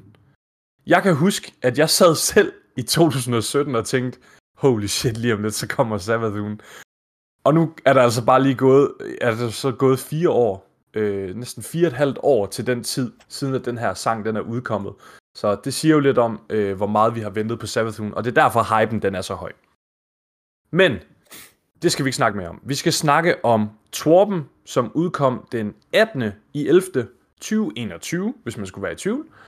Og den drejer sig primært omkring abilities i Destiny. Bungie de introducerer her den 7. december et nyt system, der hedder Variable Ability Cooldown System. Og det går kort sagt ud på, at alle abilities i Destiny, de kommer til at få forskellige cooldown timers. Lige nu, så har alle super det samme cooldown. Alle øh, granater har det samme cooldown. Alle melees har det samme cooldown, osv., osv., osv. Det kommer de til at gå væk fra, og det gør de altså med den hensigt, at nogle abilities er stærkere end andre abilities. For eksempel, så kommer de med øh, to eksempler. Det ene eksempel, det er Flux Grenade, som er den her arc grenade på Hunter. Den kommer til at kunne one-shotte fra nu af. Puha, jeg får dårlige flashbacks til Year 3 af Destiny 1, hvor at der bare var solar grenades overalt, og det var det eneste, man døde af i PvP, fordi man blev stokket af dem. Det var lort. Men de gør det med netop med den hage, at den granat, den kommer til at have et mega langt cooldown. Jeg tror, det er sådan næsten 3 minutter. Så det er altså kun en gang hver tredje minut, du får lov til at bruge den her granat. Og så i den anden ende af lejren, så kommer man til på Warlock, der har de den her Solar Nade, jeg kan ikke huske, hvad den hedder, men det er den, hvor du Firebolt. smider den. Firebolt, ja. Og den sådan siger ud og sådan brænder nogle forskellige ting. Den kommer til at have et rigtig lavt cooldown, men til gengæld laver den også lavt damage. Så det er ligesom øh, to forskellige retninger, øh, man ligesom kan køre på. Øh, og på samme måde kommer det til at være med supers og andre abilities. Så alt efter hvor stærk en ability er, jo højere cooldown. Jeg synes, det lyder rigtig, rigtig fedt. De her forskellige cooldowns, som Bungie de introducerer, det er netop med hensigten på at give sådan en mere dynamisk følelse af styrke ind i Destiny, og kunne gå lidt mere i dybden med buildcrafting, fordi en stor del af Destiny, og specielt når nu kommer vi til at få Void 3.0 med Witch Queen, og generelt vores subclasses kommer til at blive opdateret, det er, at Bungie læner sig mere og mere ind i det her buildcrafting. Vi har allerede fået en stor øh, hyggepose med det med Stasis i sin tid, og vi bruger det jo stadigvæk. Det er mega fedt at kan gå ind og tweak på klassen med Aspect og Fragments. Så det læner de sig mere op af med de her forskellige abilities. Supers i Destiny er jo en helt essentiel del af sådan spilleoplevelsen, og det er noget af det, der virkelig sådan sælger folk på Destiny. Altså, Jeg kan næsten huske mit, altså første gang, jeg popper min Golden Gun på min Honda, hvor jeg løber rundt ned i Cosmodrome, ikke? Og det var en mega fed oplevelse. Det her med, at du bare lige hiver den ud, bam, bam, bam, bam, bam, og så bare kan nakke alt. Sygt fedt. Okay, så skal man lige vente tre minutter, så er den der igen, eller sådan noget. Men det er en helt essentiel oplevelse, og jeg vil også ved med, øh, for eksempel Rasmus, har, nogle af din, har du prøvet at få nogle af dine venner til at spille Destiny? Vores kære Mathias. Ja, er vi ikke enige om, at en af de ting, man sådan sikrer sig, at folk lige når at opleve, hvis de skal prøve Destiny, det er at få lov til at gå mok med et super. Jo. Ja, Øh. fordi det, det- det er bare så magisk en oplevelse. Ja. Øhm, men siden 2014, så har øh, altså alle supers i Destiny, de har ligesom fungeret på, den, på meget den samme måde. Du har haft et, et specifikt cooldown, som begynder så snart du er i live, og så har du dit super efter 4 eller 5 minutter. Det her super øh, cooldown, det kan blive tweaked ved, at du bomber noget intellect på din Guardian, samler orbs, laver kills, og så videre. Men der er altid et specifikt tidspunkt, hvor du vil ramme, at nu får du dit super på.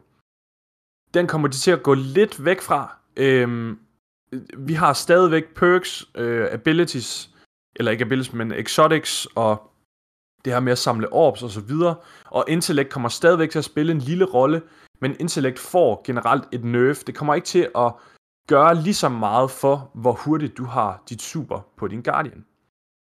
Derimod så kommer vi til at få super energi nu ved at give skade og tage skade. Og jeg er meget spændt på at se, hvordan det kommer til at være inde i PvP. Lasse, har du nogen som helst øh, bekymringer omkring, hvor det kunne ende hen i forhold til, at man lige pludselig måske bare kan løbe rundt og være en noob, og så bare dø en hel masse, og så får man super hurtigere end, end dem, der dræber? Jeg synes ærligt talt, det lyder som et fedt system. Det, jeg kan godt forstå for nogen øh, i eliten helt oppe i toppen, der er sådan, nah, man skal ikke blive lønnet for at være pisse dårlig at tabe hele tiden. Men jeg synes også, det er fedt, at der ligesom er en måde, man kan blive reddet, hvis man er i bunden. At man ligesom også får en chance, ikke? Også om det måske bare er en super per match, ikke? Jeg synes virkelig, det er et fedt system. Ja. Jeg synes også, det lyder rigtig, rigtig spændende. Øhm, I PvE udtaler Bungie, at øh, det er nogenlunde det samme resultat, vi kommer til at opleve i forhold til Super, hvis måske faktisk ikke en lille smule mere, end vi allerede har det lige nu. Altså, vi kommer til at have Super måske lidt mere, end vi oplever det lige nu. Og så har de en filosofi, der hedder, at alle skal nå at få mindst et super i en PvP-match, en 6v6, der går til time limit. Og vil så sige, hvis man ikke når det allerede nu, så må du gerne øve dig lidt mere. Fordi der skal godt nok meget til ikke at få et super. Er det mega elitist at sige? Er jeg en jeg- idiot for at sige det? Jeg- Jeg tror, du kan få super selv, hvis du er AFK. Jeg kan også sige sådan, jeg synes, det er en mega underlig bundlinje at arbejde ud fra, men øh, whatever. Øh, og de vil jo gerne gå væk fra det her med, at når man rammer, jeg kan ikke huske, hvor meget det er, men når man rammer de der cirka 4 minutter ind i en kamp, så er der bare et clusterfuck af supers, der bare alle sammen ramler ind i hinanden, og i stedet for, så er det sådan en, en, en løbende oplevelse. Jeg synes også, øh, at det, de prøver at ramme for mig, når jeg hører det, det er også, at der ikke bare er nogen, der står nede bagerst øh, på mappet, og så bare venter på super. At de har rent faktisk tænkt sig at belønne den elendige spiller, som prøver at tage en kamp op, men også den gode spiller, som faktisk formår at få noget skade ind. Øh, så, det, altså, så jeg synes, det bliver spændende at se, hvor meget det så gør af forskel. Om dem, der så i gåsøjne er dårlige, får de stadigvæk deres super, eller føler de egentlig, at, at det, hvad skal man sige, at, man, at de stadigvæk skal stå tilbage og vente. Altså, er det Mm. lige meget super, de får tilbage? Det, det, det ved jeg sgu ikke. De gode, har- spillere, de gode spillere skal jo nok få superen først, fordi de gør skade og holder sig i live. Men, men forhåbentlig kan det så også betyde, at der ikke er nogen, der står helt nede bagerst og bare venter. Og dem, der måske er knap så gode, føler et incitament til at komme ud og faktisk tage en kamp. Men de gør jo også det der med, med, med primary, var det ikke det, de nævner? At primary kills, det giver jo også mere super. Så jeg tænker, altså ham den aggressive gode spiller, han får sit super hurtigere. Hvis han dræber ja. for eksempel med sit primary øh, Ja. ace. Og det er også det med, at du siger, at de vil have mere fokus på gunfights, altså med primary våben. Det bliver også spændende at se, hvor meget mere et almindeligt handcan kill giver i forhold til et shotgun kill. Ja, meget spændende. Jeg, jeg glæder mig virkelig til at se det her øh, altså, altså komme ud. Og jeg er generelt er jeg ret vild med det her med, at altså, der er flydende cooldowns på forskellige abilities. Fordi jeg synes også bare, ofte så kan det bare være, nå okay, jeg spiller Warlock i PvE på Void, så kører en Vortex ned. Altså de andre granater, de kan overhovedet ikke nå den til sokkeholderne. Så kan man lige så godt bare køre den der Vortex. Jeg glæder mig meget til, at de kommer til at, at tweak på det her, fordi det giver også bare lidt sjovere sådan build diversity. Så har jeg fundet et quote fra øh, Torben, og det går ud på det her med, at Supers jo selvfølgelig også får individuelle cooldowns. Og jeg læser det lige op på engelsk. Så der kommer lige noget gebrokken engelsk her. Now that we have made the foundational change to differentiate cooldowns per individual ability, we want to address the super o'clock issue in the Crucible. Where three minutes into a match, 12 supers are simultaneously popped and chaos ensues. We also want to open up build crafting space where your super's cooldown time is an important element in your decision making beyond how high you want your intellect stacked to be. Og jeg synes bare, øh, det er netop det, jeg nævnte der før, det der med, at det ikke bare bliver sådan en, et clusterfuck af supers tre minutter inde i kampen, men at der kommer til at være sådan lidt mere diversitet, og man oplever måske, okay, ham her, han har et øh, super, man, der er ret meget optegn på, et lavt cooldown, det popper han lige så snart han får det, så han kan få nogle flere ud senere. Og omvendt, dem her, der har de utrolig lange cooldowns, det bliver spændende at se, om de så bare tænker, det her super, det skal bare afsted lige med det samme, så jeg kan nå et super mere, eller om fordi, at netop superet, det kommer til at føles det stærkere, at man så holder lidt mere på det. Supers, de bliver opdelt i de her forskellige tiers. De kører forskellige tiers 1-5.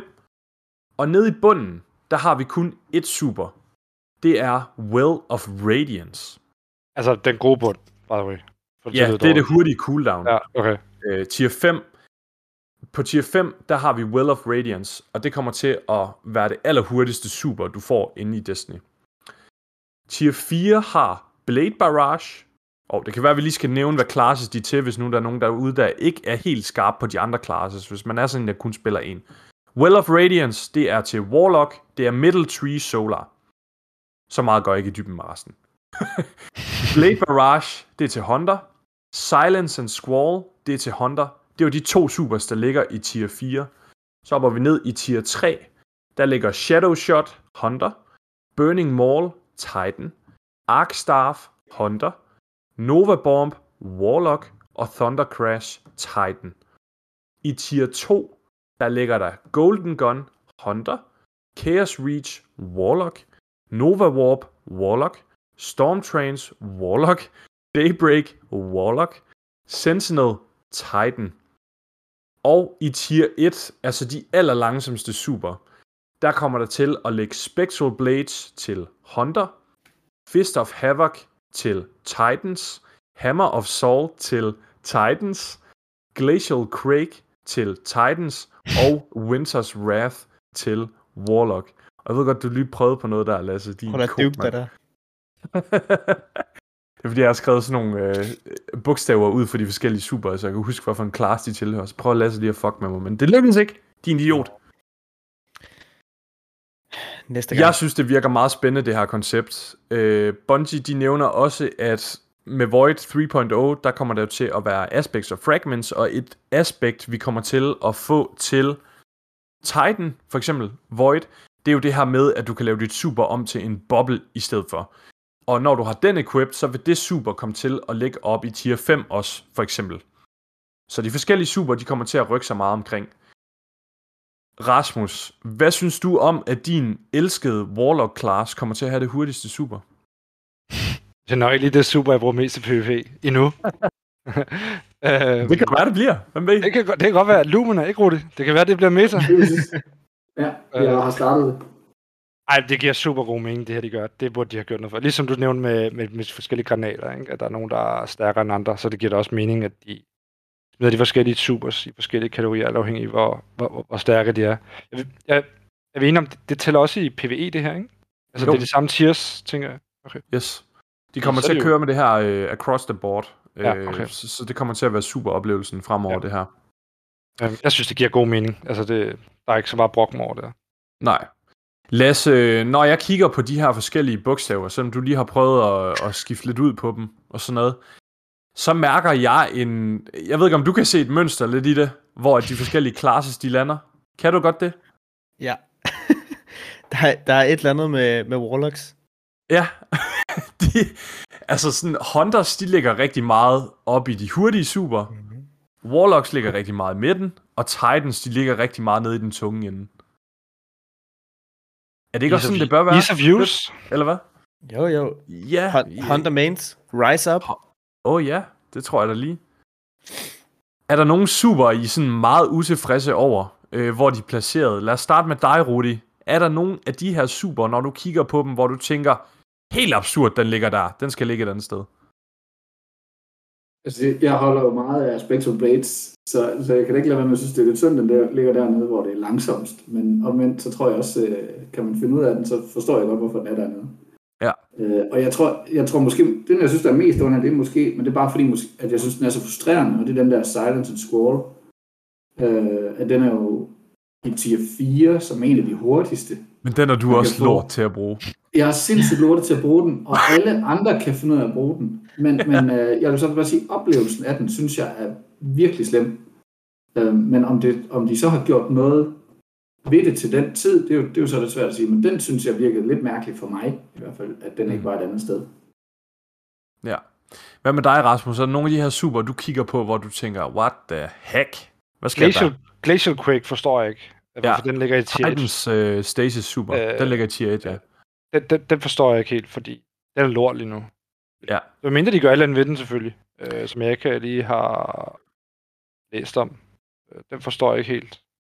Den Behemoth, øh, selve subklassen, til, øh, som, som gør brug af Glacial Quake Super Stasis Titan, den får et øh, ret massivt buff her med. Øh, Ja, ja men, men det, er jo kun, det er kun selve sådan, altså, meldet, eller hvad hedder det? Light attacket, sådan så jeg forstår det, ikke? Ja, det er rigtigt, men så er der også øh, noget aspects og så videre. Vi kommer, vi kommer til det ja, senere, ja, men, ja. men, men generelt, jeg, jeg er ikke helt øh, afvisende for, at den bør ligge dernede heller. Altså jeg vil sige, tier 2 måske kunne den godt kunne smides op i. Øh, Ja. Spectral Blade synes jeg altså heller ikke er så stærk igen. Øh, Nej. jeg, forst- jeg er helt enig med de tre andre her, øh, altså Hammer og Fist og Winter's Wrath, de skal ligge Ja. der i tier 1. Det er nogle af de stærkeste øh, Ja. roaming supers, der er. Hvad med dig, Lasse? Har du nogle super, hvor du tænker, wow, hvad foregår der her? Hvad laver Shadow Shot i tier 3? Hvorfor er den ikke helt oppe i tier 1? Eller højere? Wow, wow, wow, Eller wow, tier wow, 5, wow. mener du? Altså, Jeg vil, Shadow Shot, den skal være et hurtigt super, er det du mener? det skal være altså det hurtigste. Jeg kan ikke lide, Der ligger ikke at der. være nogen andre supers jo, hvis den ligger Nej. i tier 1. Vi kan lukke super. Det er fair nok, men jeg kan ikke lide, at det bliver grupperet med Arkstag for Nova Bomb og Thunder Crash. Jeg synes ikke, det er så stærkt. Nej. Jeg synes ikke, det er stærkt nok til, at det skal ligge i tier 3. Det kan også godt være, fordi jeg ligesom uh, Rudi ikke kan ramme med det. Det er tre håndter, jeg sidder med her, ikke? Squall der. Og det, kan godt være, det, det kan godt være, at mit bias viser sig lidt der. To Hunters. Øh, Ah, ah, du- Michael, Mi- Michael Titan. Han er sådan Ja, ja, halv er- hunter, halv titan. Jeg er 60, ti- 60 Titan, 40 Hunter, tror jeg. Du er sådan, du er sådan en ulækker mutation. Ja, det, Tynde, slanke ben, men virkelig klam buff øh, crossfit overkrop der. Jeg er en af de typer i, i gym, man tænker, hvor, hvorfor laver du ikke leg day, mand? Hvad foregår der? Og, Ja, det er mig. Hvis jeg bare lige, mit take på det lige hurtigt, det er, Thunder Crash, synes jeg er super underligt, den ligger i tier 3. Øhm, Men jeg ved ikke, hvorfor, men, men jeg synes bare, at den er virkelig stærk. Øh, Jeg tænker godt, den kunne ligge ned i tier 2 eller i tier 1, faktisk. Også fordi, at jeg føler, at det er sådan super, hvor at jeg vil ikke have noget mod, at de har skruet lidt op for damagen på den så. Ja, jeg ved godt, vi teaser mega meget med den og sådan noget lige nu, men skru lidt mere op for dens lethality, og så er det bare et vanvittigt super, du har en gang en gang imellem. Fordi det er lidt det, jeg fornemmer med de her forskellige tiers. Det er også, at superne, de må gerne være stærkere, jo længere ned de er i de her cooldowns jo. Men det har nok også noget at gøre med det der med, altså hvis du ser på mange af dem, der ligger i tier 2, og et, det er roamings, ikke? Ja, Hvor det er rigtigt. For eksempel Thunder Crash, du har en chance. Derfor Ja. så får du den lidt oftere måske. Altså, det er skill, kræver skills måske. Jeg ved ikke. Det gør det virkelig. Bungie de udtaler, at øh, den her liste, som de kommer med, den her tier-liste, tier 1-5, det er helt sikkert noget, de kommer til at iterere på over tid. Øh, Det her, det er first take. Der kommer til at være en kæmpe sandbox-update, øh, som launcher med de her tier-systemer også, og de kommer til at skrue på det løbende. De har allerede, jeg kan ikke lige huske hvilke nogen, men de har allerede udtalt, at de allerede har nogen i kikkerten, som formentlig kommer til at rykke lidt frem og tilbage. Vi må se, hvordan det ender ud. Overall, jeg er ret positiv. Det fornemmer jeg også, at I er omkring hele det her system. Så kommer der noget tuning til abilities generelt også. PvP ability cooldowns og energi. Øh, den slagtede jeg fuldstændig. Det skal jeg lige læse der.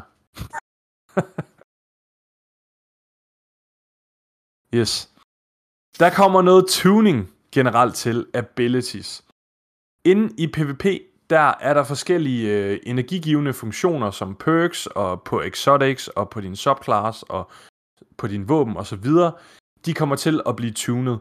Så generelt så kommer de til at give cirka 50% mindre energi tilbage. Det er både til super og til dine granater og til din dodge osv. Ting, der giver super tilbage på kill, det kommer til at give mere i starten, end det gør senere. Ting sådan noget som Fist of Havoc, når du får et kill med dit super der, eller Dawnblade, øh, som ligesom forlænger dit super, det kommer til at være mere i starten, og så tone det ligesom ned over tid. Fordi der er ikke noget værre end at blive dræbt af en Titan i det ene ende af mappet, og så løber han over og dræber dig lige når du spawner i den anden ende. Super nederen oplevelse. Og rigtig mange exotics, jeg gider ikke til at læse dem alle sammen op, men der er utrolig mange exotics i Destiny, som giver super tilbage, enten ved kill, eller når du garder, eller sådan et eller andet. Og de kommer også til at give mindre energi tilbage. Derudover, så næsten alle armor mods, de kommer også til at give cirka 50% mindre tilbage i abilities. Og det er altså alt sammen inde i PvP det her. Så inde i PvP, eller PvE, undskyld, inde i PvE er det stadigvæk den samme oplevelse, du har derinde. Der kommer du til at få meget mere abilities generelt. Og det er jo også derinde den fede oplevelse er i Destiny med abilities generelt. Stasis krystaller, det her det er den helt store. Stasis krystaller, de kommer ikke til at kunne fryse længere inde i PvP. Så når du bliver fanget i en krystal, så står du altså ikke stille, du skal ikke break free, hele den mekanik, den er væk nu inde i PvP. Du kommer bare til at blive slået. Jeg er lidt spændt på, om man sådan, altså fordi du er stadigvæk fanget inde i den. Men ja, man kommer til at blive slået. Og øh, så kommer det til at skade mindre ved detonation. Rudi, du nævnte før, at du er ret dårlig til at bruge Silence and Squall. Det er kun det, Rudi. Er du det? Hvordan har det. du det med det her, at, at stasis-krystallen de bliver fjernet? Jeg tror, det er samme i min Eller ikke er fjernet, men-. Ja. Nå, okay. Øhm, jeg har ikke, altså det har jeg ikke noget mod. Nej. Øh, Jeg synes igen, jeg synes det der med, at man, jeg, har, jeg synes det er i orden, man må fryse, øh, eller slowed hedder det, men det der med, at man fryser helt til is, det har jeg aldrig synes var specielt sjovt. Øh, og, og nu bliver man kun slowed, og, og man har mulighed for at kunne, kunne fight back. Altså, det synes jeg kun er fint. Så det her, det har jeg, kan ikke. Og Lasse, du er jo også en uh, Hunter-bror. Har du ikke været flittig til at bruge de der Glacier Nades? Så kan jeg i hvert fald huske, du skrev til mig et tidspunkt sådan, hold kæft, de er stærke. Eller sådan altså, det... Fald lige, da- lige da Trials vendte tilbage, Ja. der gik det op for mig. De kan kræfte med noget. ja, der er Wormhaven, ikke også? Altså, ja. Ja. det er bare, op den, lille- du kaster bare en granat, dot eller hop, øh, smadrer ned i jorden, tre Du kills, bare, du lukker bare hele den der lille walkway ned. Ja, bare et kast, præcis. ikke? Sådan kommer det formentlig ikke til at være længere jo. Øhm, så hopper vi videre til Hunters, fordi nu skal vi lige dykke ned i de tre forskellige classes. Hunters Dodge, som er notorisk for at være den mest egoistiske ability i hele Destiny, vil jeg nok gå hen og mene. Warlock har sin Rift, den healer eller gør dine teammates stærkere. Titans, den har en Barricade, der kan forsvare dine venner osv. Hunters, de ruller bare lige væk, når der begynder at brænde lidt på. Øh, men det her dodge, det har fungeret rigtig godt, og vi vidste alle sammen, at det her det ville ske en dag. Hunter Dodge'et, det bliver nerfed nu. Det kommer ikke til at bryde projectile tracking, så det er sådan noget som, når, hvis der er en Nova Bomb, der detonerer, og der er de her små kugler, der flyver efter dig, så kan du dodge ud af det, og så tracker de dig ikke længere, for eksempel. Og så får det derudover også et nerf i cooldownet. Rudi, du er en Hunter-spiller. Hvordan har du det med, at din mest egoistiske og dejligste ability den bliver taget fra dig? Eller ikke taget fra Jeg dig, synes- men, men Ej, jeg nerfed. sige, ja, jeg, ej, jeg synes, det gjorde ondt. Øh, fordi det, er det er jo... Altså, det er jo en af de grunde til, at jeg valgte Hunteren, det er fordi, han er så mobil. Ikke? Altså, han har sit triple jump, han har sit dodge, og så har han sin kappe. Ikke? Altså, det er ligesom derfor, man vælger Hunteren. Ikke? Øh, og, og så nu piller de ligesom ved, ved essensen af Hunteren, og, øh, og det, igen, vi skal prøve det af, men nogen bare tager sådan lidt, åh, oh, pis, ev. Tror du ikke også måske bare, det er lidt det, fordi det, det, er sådan, det rammer dig rigtigt? Jo, det er det. Det er Ja. nemlig, fordi det rammer mig. Ikke? Det rammer den karakter, som jeg synes er aller sjovest. Ikke? 100% det. Så, og det er også derfor, at jeg prøver virkelig på ikke at brokke mig for meget, inden vi får det prøvet af. Øh, fordi jeg synes egentlig, det er, altså når jeg læser det, det kommer til at handle meget om gunplay, og det synes jeg egentlig er fedt. Men, men de havde, for min skyld havde det ikke behøvet at ramme Dodge. Nej. Alt andet end den class, jeg spiller. Det må I nerf, men ikke mig. ja, jeg havde taget min kappe. Ja, Ja. Til kappen. Nej, nej, nej, nej, stop. Det, må, det er blasfemi. Så øh, Shatter Dive, nu, nu nævnte jeg det lige før, at øh, stasis krystaller, de kommer ikke til at fryse længere, men Shatter Dive, den får altså også et lille nerf. Den kommer til at kunne dræbe i meget sjældne tilfælde, skriver Bungie. Du skal både have det her fragment på, er det Fishers, den hedder, eller sådan et eller andet? Jeg kan ikke huske helt specifikt, hvad den hedder. Men den, der gør sådan, at din, øh, når dine krystaller eksploderer, hehe, så laver de større skade, end øh, hvis man ikke havde det her fragment på. Og så skal modstanderen altså også være fanget inde i centret af krystallen. Ellers så kan du ikke dræbe med det. Derimod, så får det et 100% damage increase ind i PvE. Og det lyder ret OP, synes jeg umiddelbart. Jeg er lidt spændt på, om vi overhovedet kommer til, altså, fordi det, man skal ret meget op i your face jo.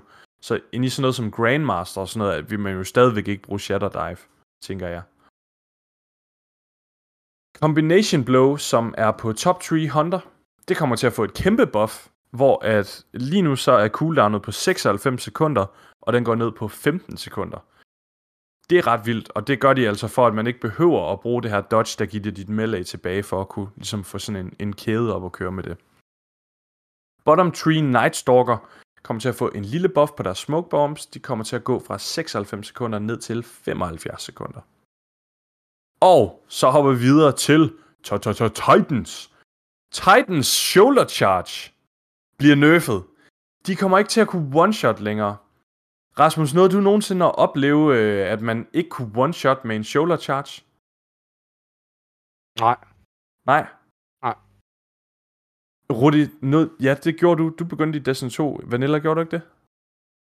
Nej, jeg kom ind ved, hvornår fanden hed Osiris, hvad fanden var det for en planet, han kom? Okay, men så har du oplevet det. Nå, altså hele- så har jeg ikke lagt mærke til det. Nej, okay. altså i hele year 1 af Destiny 2, der skulle man jo melee tre gange for at kunne dræbe en modstander. Og shoulder charge, de one-shottede heller ikke. Øhm, ja. Og det går lidt tilbage til. Det er der lidt blandet mening om. Jeg er lidt spændt på at se, hvordan det kommer til at fungere. Men umiddelbart, okay, fair nok. De giver det lidt mere mobility og lavere cooldown og lægger travel distance, og du kan aktivere det hurtigere og så videre. Så det bliver lidt mere et mobility perk. Det kan være, at du skal hoppe over på en Titan, Rudi, hvis du er så glad for mobility. Hvem ved? Deres barricade, den store barricade, towering barricade, som den hedder, den kommer til at få et lidt længere cooldown, og den lille barricade, rallying barricade, den kommer til at få et kortere cooldown. Og som vi snakkede om tidligere, Behemoth Titan, Stasis Titan, den får et ret godt buff, fordi den er virkelig underperforming inde i PvE. Det her aspekt, der hedder Diamond Lance, den kommer til at få tre fragment slots, i stedet for bare et enkelt. Og så når du dræber med et stasis våben inde i PvE, så spawner du de her lances. Udover det, hvis du har, for hver tredje kill, du laver med et stasis våben i et liv, og det er nok primært inde i PvP, man skal vide det, så spawner den altså også sådan en lance, lance, som det hedder. Hvis du har shatter en enemy, eller hvis du dræber med en stasis ability, laver du også sådan en diamond lance. Så jeg tror, den kommer til at være all over the place. Og det er også derfor, jeg sagde tidligere, øh, Rasmus, jeg tror faktisk, at Behemoth Titan, de kommer til at være okay stærke. Og jeg tror også, det er derfor, at det er super, det ligger så langt nede, fordi når du er i dit Titan super, så laver du jo kun kills med stasis. Okay. Og der kan du altså spawn sygt mange af de her lances. Så for at der ikke ligger sådan nogen overalt, Men der er tror jeg, det er på derfor. Der er cooldown på de der las. Der er ikke på, hvor mange der kan spawn. Jo, der er, altså, Er det, der jeg tror, det? der hver, hver tredje sekund eller sådan noget, øh, kan du lave en. Nå, okay. Jamen, fair nok. Men Så altså, alligevel... du stadig lave mange, men øh, det, ja. så Ja. det er ikke sådan, at du bare kan, der lige pludselig ligger 100 foran dig. Altså, det, Nej, okay. fair nok. det kunne ellers være sygt. Der kommer spyd! Okay. Øh, og så bottom tree striker, som har været utrolig stærk i den her sæson, den får nogle nerves sådan lidt et år, overalt. altså, hvis ikke mere. Altså, det er Eller ja, altså de, altså, men jeg synes specielt den her sæson har det været. Ja. Den her sæson og sidste sæson er det, har de virkelig sådan begyndt at komme tilbage. Men øh, altså, det, på bottom tree striker, det er sådan lidt ligesom corona. Det er sådan, hver gang vi lige tror, det er lidt væk, og restriktionerne de falder, så kommer det bare tilbage. Og så skal det nerfes igen. Altså, det er sådan, sådan fungerer det. Vi hopper videre til Warlock. Warlocks Melee.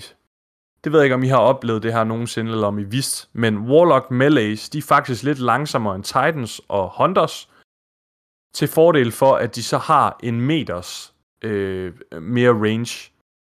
Men de går så simpelthen ned til nu, at øh, du kommer til at slå lige så hurtigt. Du kan lave lige så mange bitch slaps på Warlock, som du kan give knytnæver på Titan på samme tid nu. Med samme frekvens, samme længde. Det bliver godt. Så kommer de og rører Military Void. Rasmus, jeg ved, at du er rigtig glad for at bruge din øh, Nova Warp. Det Ja. har du i hvert fald været. Øh, jeg ved ikke, om du, nu har vi ikke spillet et par uger, men, men bruger du stadigvæk den? Ja, jeg bruger den gammel. Ja. Hvordan har du det med, at din handheld Supernova, den ikke længere kommer til at kunne one-shot? Er du ked af det, eller kan du se, at det er fair, eller er du ligesom Rudi, der bare er ked af det, fordi det rammer dig? Jeg synes... For mig giver det ikke nogen mening. Jeg så sådan et, øh, et meme. jeg vidste det. Jeg så sådan en meme øh, fra Bungie, eller øh, jeg tror det var Reddit, fandt den, hvor Bungie, de, de er sådan en, øh, de er en gud, og så community, de er sådan en lille soldat, der bare ligger på sit deres knæ, og hvor, hvor, hvor soldaten siger, what the hell is this twarp? Og Bungie siger, hvad mener du? Øh, og så siger, hvem, who asked you to, uh, to nerf everything to the ground? The community did. We only ask you to, to, to, to nerf Shadow Dive, and I heard you. No more one shot for Warlocks and Titans. We hear you. Ikke? Fordi, altså, tænk, og, og, og Hunters, de bliver ved med at få deres, øh, de har den der kniv der, og, og så nu den der floksgranat der, ikke? Men alt Det er andet, så sandt. det giver ikke nogen mening. Prøv lige at sende det der meme, det tror jeg næsten, vi bliver nødt til at smide med episoden, så folk lige kan se det. øh, Men, ja. men Rasmus, det- de tager mit dodge, ikke? Jo, jo. Men, men, men mens det der med, med han havde Supernova, altså jeg synes, det, jeg synes, det er fint nok. Det er virkelig rigtigt, det der. Han nerfer alt andet. Ah, okay, de nerfer også Shadow Dive, men det er der stadig, så er det bare, nå okay, vi nerfer bare lige Warlock og Titan sygt meget også, ja. Jeg har sendt det Facebook til. Ja, fedt. Den kommer op sammen med episoden, kære lytter, så kan I gå ind og, og grine af den der. Men jeg tror stadig, jeg tror stadig, dem der er god uh, handheld til gengæld. Det lyder til det. Det der med, at du bliver knockbacked, og så kan du bare clean uh, op på det, ikke? Uh, Ja. Altså, jeg se. håber, jeg håber meget, jeg kommer til at kunne se på et tidspunkt en Titan, der kommer med sit shoulder charge ind i en Warlock, der står med sin handheld Supernova, og de så på samme tid rammer hinanden, så de bare, det er bare ligesom sådan to guder, der clasher. Så dør Warlock jo, fordi der er jo det Ja. der, du self-damage på, på, Nå, på ja, rigtigt, ja, så dør Warlock. Venter de, venter, de gør noget ved den. Det, det kan jeg ikke huske, om de gør. Nej, det tror jeg ikke, de gjorde. Men, men Ja. i hvert fald bare sådan, at de skød hinanden væk. Det kunne se ret fedt ud. Ja. Det er til gengæld, ja, præcis, det kommer til at skubbe fjender væk, det her handheld Supernova, i stedet for, og så kommer det til at få noget mere range. Derudover så får Nova Warp Superet og handheld Supernova granatchargen, det kommer til at få en 30% damage buff mod champions og bosser inde i PvE. Shadebinder, Stasis, Warlock, Superet, det har generelt været det bedste super til at nakke andre super med. Mega stærk super, altså det, det, det har virkelig været stærkt både til super, men også bare sådan til at nakke fjender. Altså det, det er så safe, du kan flyve rundt op i luften, og de der skud der, de tracker sygt godt. Nu kommer du til at skulle ramme fjendesuper med de her øh, skud, og shatter to gange, før at vedkommende dør. De skriver godt nok, at det generelt det kommer til at være sådan. Jeg kunne godt forestille mig, at på sådan noget som Golden Gun, at den måske stadigvæk vil dø ved en enkelt øh, omgang af det, fordi der får du ikke noget ekstra shield. Stasis granater, de kommer til at få forskellige cooldowns på alle de tre forskellige Stasis subclasses, og på grund af, at Warlock har den her charged Bleak Watcher turret, så har de altså gjort sådan, at så man ikke bare kan snyde med den og få det lavest mulige cooldown, når man har det aspekt på, så er den ligesom tied op på, at så har man også Glacier Nade øh, cooldownet på, selv hvis du kører en anden granat. Så de siger lidt mellem linjerne, at det nok kommer til at være det længste cooldown Glacier Nade. Puha, en Torp var. Er I stadig med mig? Vi hopper til den sidste bid, inden at podcasten er færdig. Øhm, den 24. november 2021, hvis man skulle være i tvivl, så kom der en podcast, og det var altså en utrolig kort podcast. Der er vidderligt to linjer, der beskriver, hvad der sker i... Nej, hvad sagde jeg lige Der podcast? udkom en torp. Øh, Twarp, ja. Jeg sagde podcast. Det er vidderligt en af de korteste twarps, der har været i lang tid. Men det er også fordi, vi lige har fået sådan nogle i nogen. Bungie de beskriver, at der er noget, der kører lige nu, der hedder Gala Days. Og det er altså for at minde øh, øh, Gjallarhorn og fejre Gjallarhorn. Så lige nu, så kører de nogle tilbud inde på Bungie Store med fokus på Gjallarhorn og så videre. Og jeg har lagt mærke til, at man kan få en jule Destiny sweater. Det kunne jeg sygt godt tænke mig. Så hvis der er nogen, der gerne vil give mig sådan en, så skal I bare lige skrive det. Ja, så Så- kommer den om et halvt år. Nå, Jeg siger, du får den jo først om et halvt år. Det er det, jeg mener. nå, ja det. Nej, ikke i EU-storen. Gør man det? Jo. Der, er- der Jeg er synes ventetid. kraft... Ja, nu er det godt lang tid siden, jeg købte noget derinde, men Ja, det okay. var ret sød. Altså, Jeg jeg har ikke købt der noget i to-tre år, tror jeg. Ja, på ja, ja. Jeg ved ikke, om det er noget... Jeg ved, det er selvfølgelig ikke på pre-order, vel? Men det ved De jeg der- ikke, hvis... Det der sweater, der... Altså Men pladen... Jeg tror bare, du kan gå ind og købe den nu. Nå, nå. Så, Ja, så du er har, det en til, godt. den, du har en til den 7. december. Præcis. Der er også kommet, der er også kommet mega fed Destiny underbukser, det ved jeg ikke, om jeg har set. Ja, men Ah! Gambit, Gambit Ja. ja. underbukser. Gambit ja. underbukser, er der også noget... Øh, er det Serious Regime underbukser? Er der Sudo? Jeg har behov, jeg har behov for at have Gambit underbukser på, og så er der en, der siger, Who summoned that primeval? Og så sniger den sig. Ja, jeg kan godt høre, I griner meget. Øhm, så kommer der, eller så skriver Bungie noget omkring 30th Anniversary, som kommer til at fungere som en DLC. Og det er lidt nederen, hvis man ligesom Lasse spiller på åbenbart tre forskellige platforme og ikke har nogen hjerne. Så skal den altså købes på alle tre forskellige platforme. Ja. Ej, han skrev rigtigt. Okay, der er du igen. Hallo Lasse, nu er der kamera på. Ja, du fortjener det. Nej, nej, det gør jeg ikke. Jeg må ikke kigge på dig. Men ja, man skal købe det på forskellige platforme. Jeg vil sige, øh, det er sådan noget, der ville have påvirket mig måske for et år siden, inden jeg havde fået min lækre PlayStation 5, hvor jeg blev nødt til at spille på PC, hvis jeg rent faktisk ville have gode frames. Det behøver jeg ikke længere. Det er mega dejligt, så nu kører jeg bare alt på PlayStation. Men ja, Lasse, kommer du til at købe det på alle tre platforme? Nej, jeg, jeg, jeg, jeg, er- jeg er lidt vred. Minimal vred. Altså, da jeg læste det for første gang, der, der vidste jeg ikke, at jeg havde købt en Xbox, så lige at få det genopfrisket nu, efter den her hvide, hvide klods står på mit bord. Jeg synes, det er lidt, jeg synes, det er lidt irriterende, at det ikke fungerer ligesom sådan en sæson, øh, hvor Ja. det carry over. Jeg forstår ikke helt, hvorfor de ikke har gjort det endnu. Jeg ved ikke, om det har noget, Ja, mere noget at Skal jeg forklare dig, hvorfor? Det er et money grab. Ah, Ja. jeg, jeg tror ikke, jeg vidste ikke, de kunne lide penge derovre. Ja. Ej, det er et money grab, men, men det er også noget med, at når at du køber øh, på Playstation jo, så får Sony måske, lad os sige 20% det er bare et eksempel, så får de 20% af den transaction der, det koster at, at købe spillet. Ja. Og det vinder de jo, altså Bungie jo selvfølgelig ikke noget på, hvis, hvis folk de så spiller den over på PC. Øh, eller det vinder Sony ikke noget på, så hedder det. Men samtidig er det heller ikke et større problem nu, når der er kommet crossplay, så ikke meget, jeg har at klage over. Nej, det er rigtigt. Altså, det er meget nemmere nu bare at spille på en enkelt øh, platform. Så er det godt, du har købt alle tre. Lasse. Det er godt. Kan jeg selv vælge. Åh, ja. Nå. Tusind tak, fordi I har givet at være med. Tusind tak til dig, Lasse. Øh, hvor kan man Bare finde generelt. dig henne? Tusind Bare tak generelt. til mig. Jeg sætter dig. Øh, man kan finde mig på øh, SoundCloud.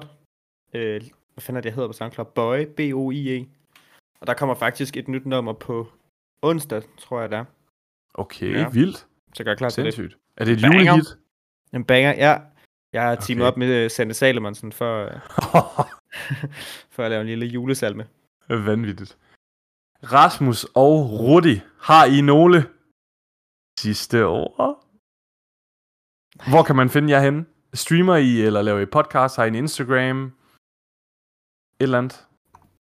Roligt. Øh, ja, man vil jo meget gerne, øh, nu har du været god til at sige, at man gerne må følge de forenede Guardians, og øh, man- jeg tænker, at vi kan jo også sige, at man må også gerne øh, gå ind og følge det sidste ord. Øh, det er også et sted, hvor man kan øh, skabe noget community, eller hvad man skal sige, finde nogen og, og, og game sammen med, og det er jo det, det handler om. Øh, mm. Men øh, gå ind på Forenede Guardians, eller gå ind på øh, det sidste ord, og se, om man kan finde nogen at spille med. Det tror jeg måske er det vigtigste, vi kan sige. Yes. Mega fedt. Rasmus, har du noget at sige? Er der ikke noget med, at de forenede Guardians, de har en Twitch-stream? Det har de faktisk, men øh, det er ligesom dig, Mika. De har sgu ikke været så aktive her på det sidste. Jeg tror ikke, Husse, han har ikke været aktiv et halvt år på den stream nærmest. jo, jo, ej, han, der har sgu ikke heller ikke været så meget stream, som Nej. du selv ved. Øh, så Ja. det, det, lukker op, øh, åbner op forhåbentlig her den 7. december øh, og frem. Fedt. Kan du, øh, hvad er det, I hedder derinde? Er det bare twitch.tv-forenede Guardians? Ja, lige ud en. Yes, fedt. Gå ind og tjek det ud. Øh, det er øh, søde Mathias H.C., som plejer at køre den stream der, men altså... øh, Eller vi- Oliver. Øh, Doom. Eller Oliver, ja. Doom, det er jo ja. Men vi er jo alle sammen øh, ofte en del af den stream, og mig og Mathias, vi er jo som sagt, altså, jeg streamer også, øh, og vi er ofte en del af hinandens stream. Så man kan også finde mig inde på Twitch, twitch.tv-mikasdf, altså det er M-I-K-A-S-D-F. Mikas Danske Folkeparti. Ja, det er simpelthen uhentilsigtet, men øh, det er det, jeg endte ud i. Så øh, gå ind og find det, og øh, som Rudi, tak for kæmpe shoutout lige før, men gå ind og follow det sidste ord ind på Facebook, facebook.com det sidste ord. Tusind tak, fordi I har lyttet med. Kan vi lige kigge på kameraet og så sige, det har været det sidste ord. Er I klar? Ja. Og her Rudi med... Og Rudi, det bliver farligt. Du skal virkelig tegne den her nu, Rudi. Du skal begynde at snakke, inden vi andre gør det. Okay? Er vi klar? Jeg kan prøve. 3, 2, 1. Det har været det, Det har været det det sidste sidste ord. ord. Slagter den fuldstændig, gør?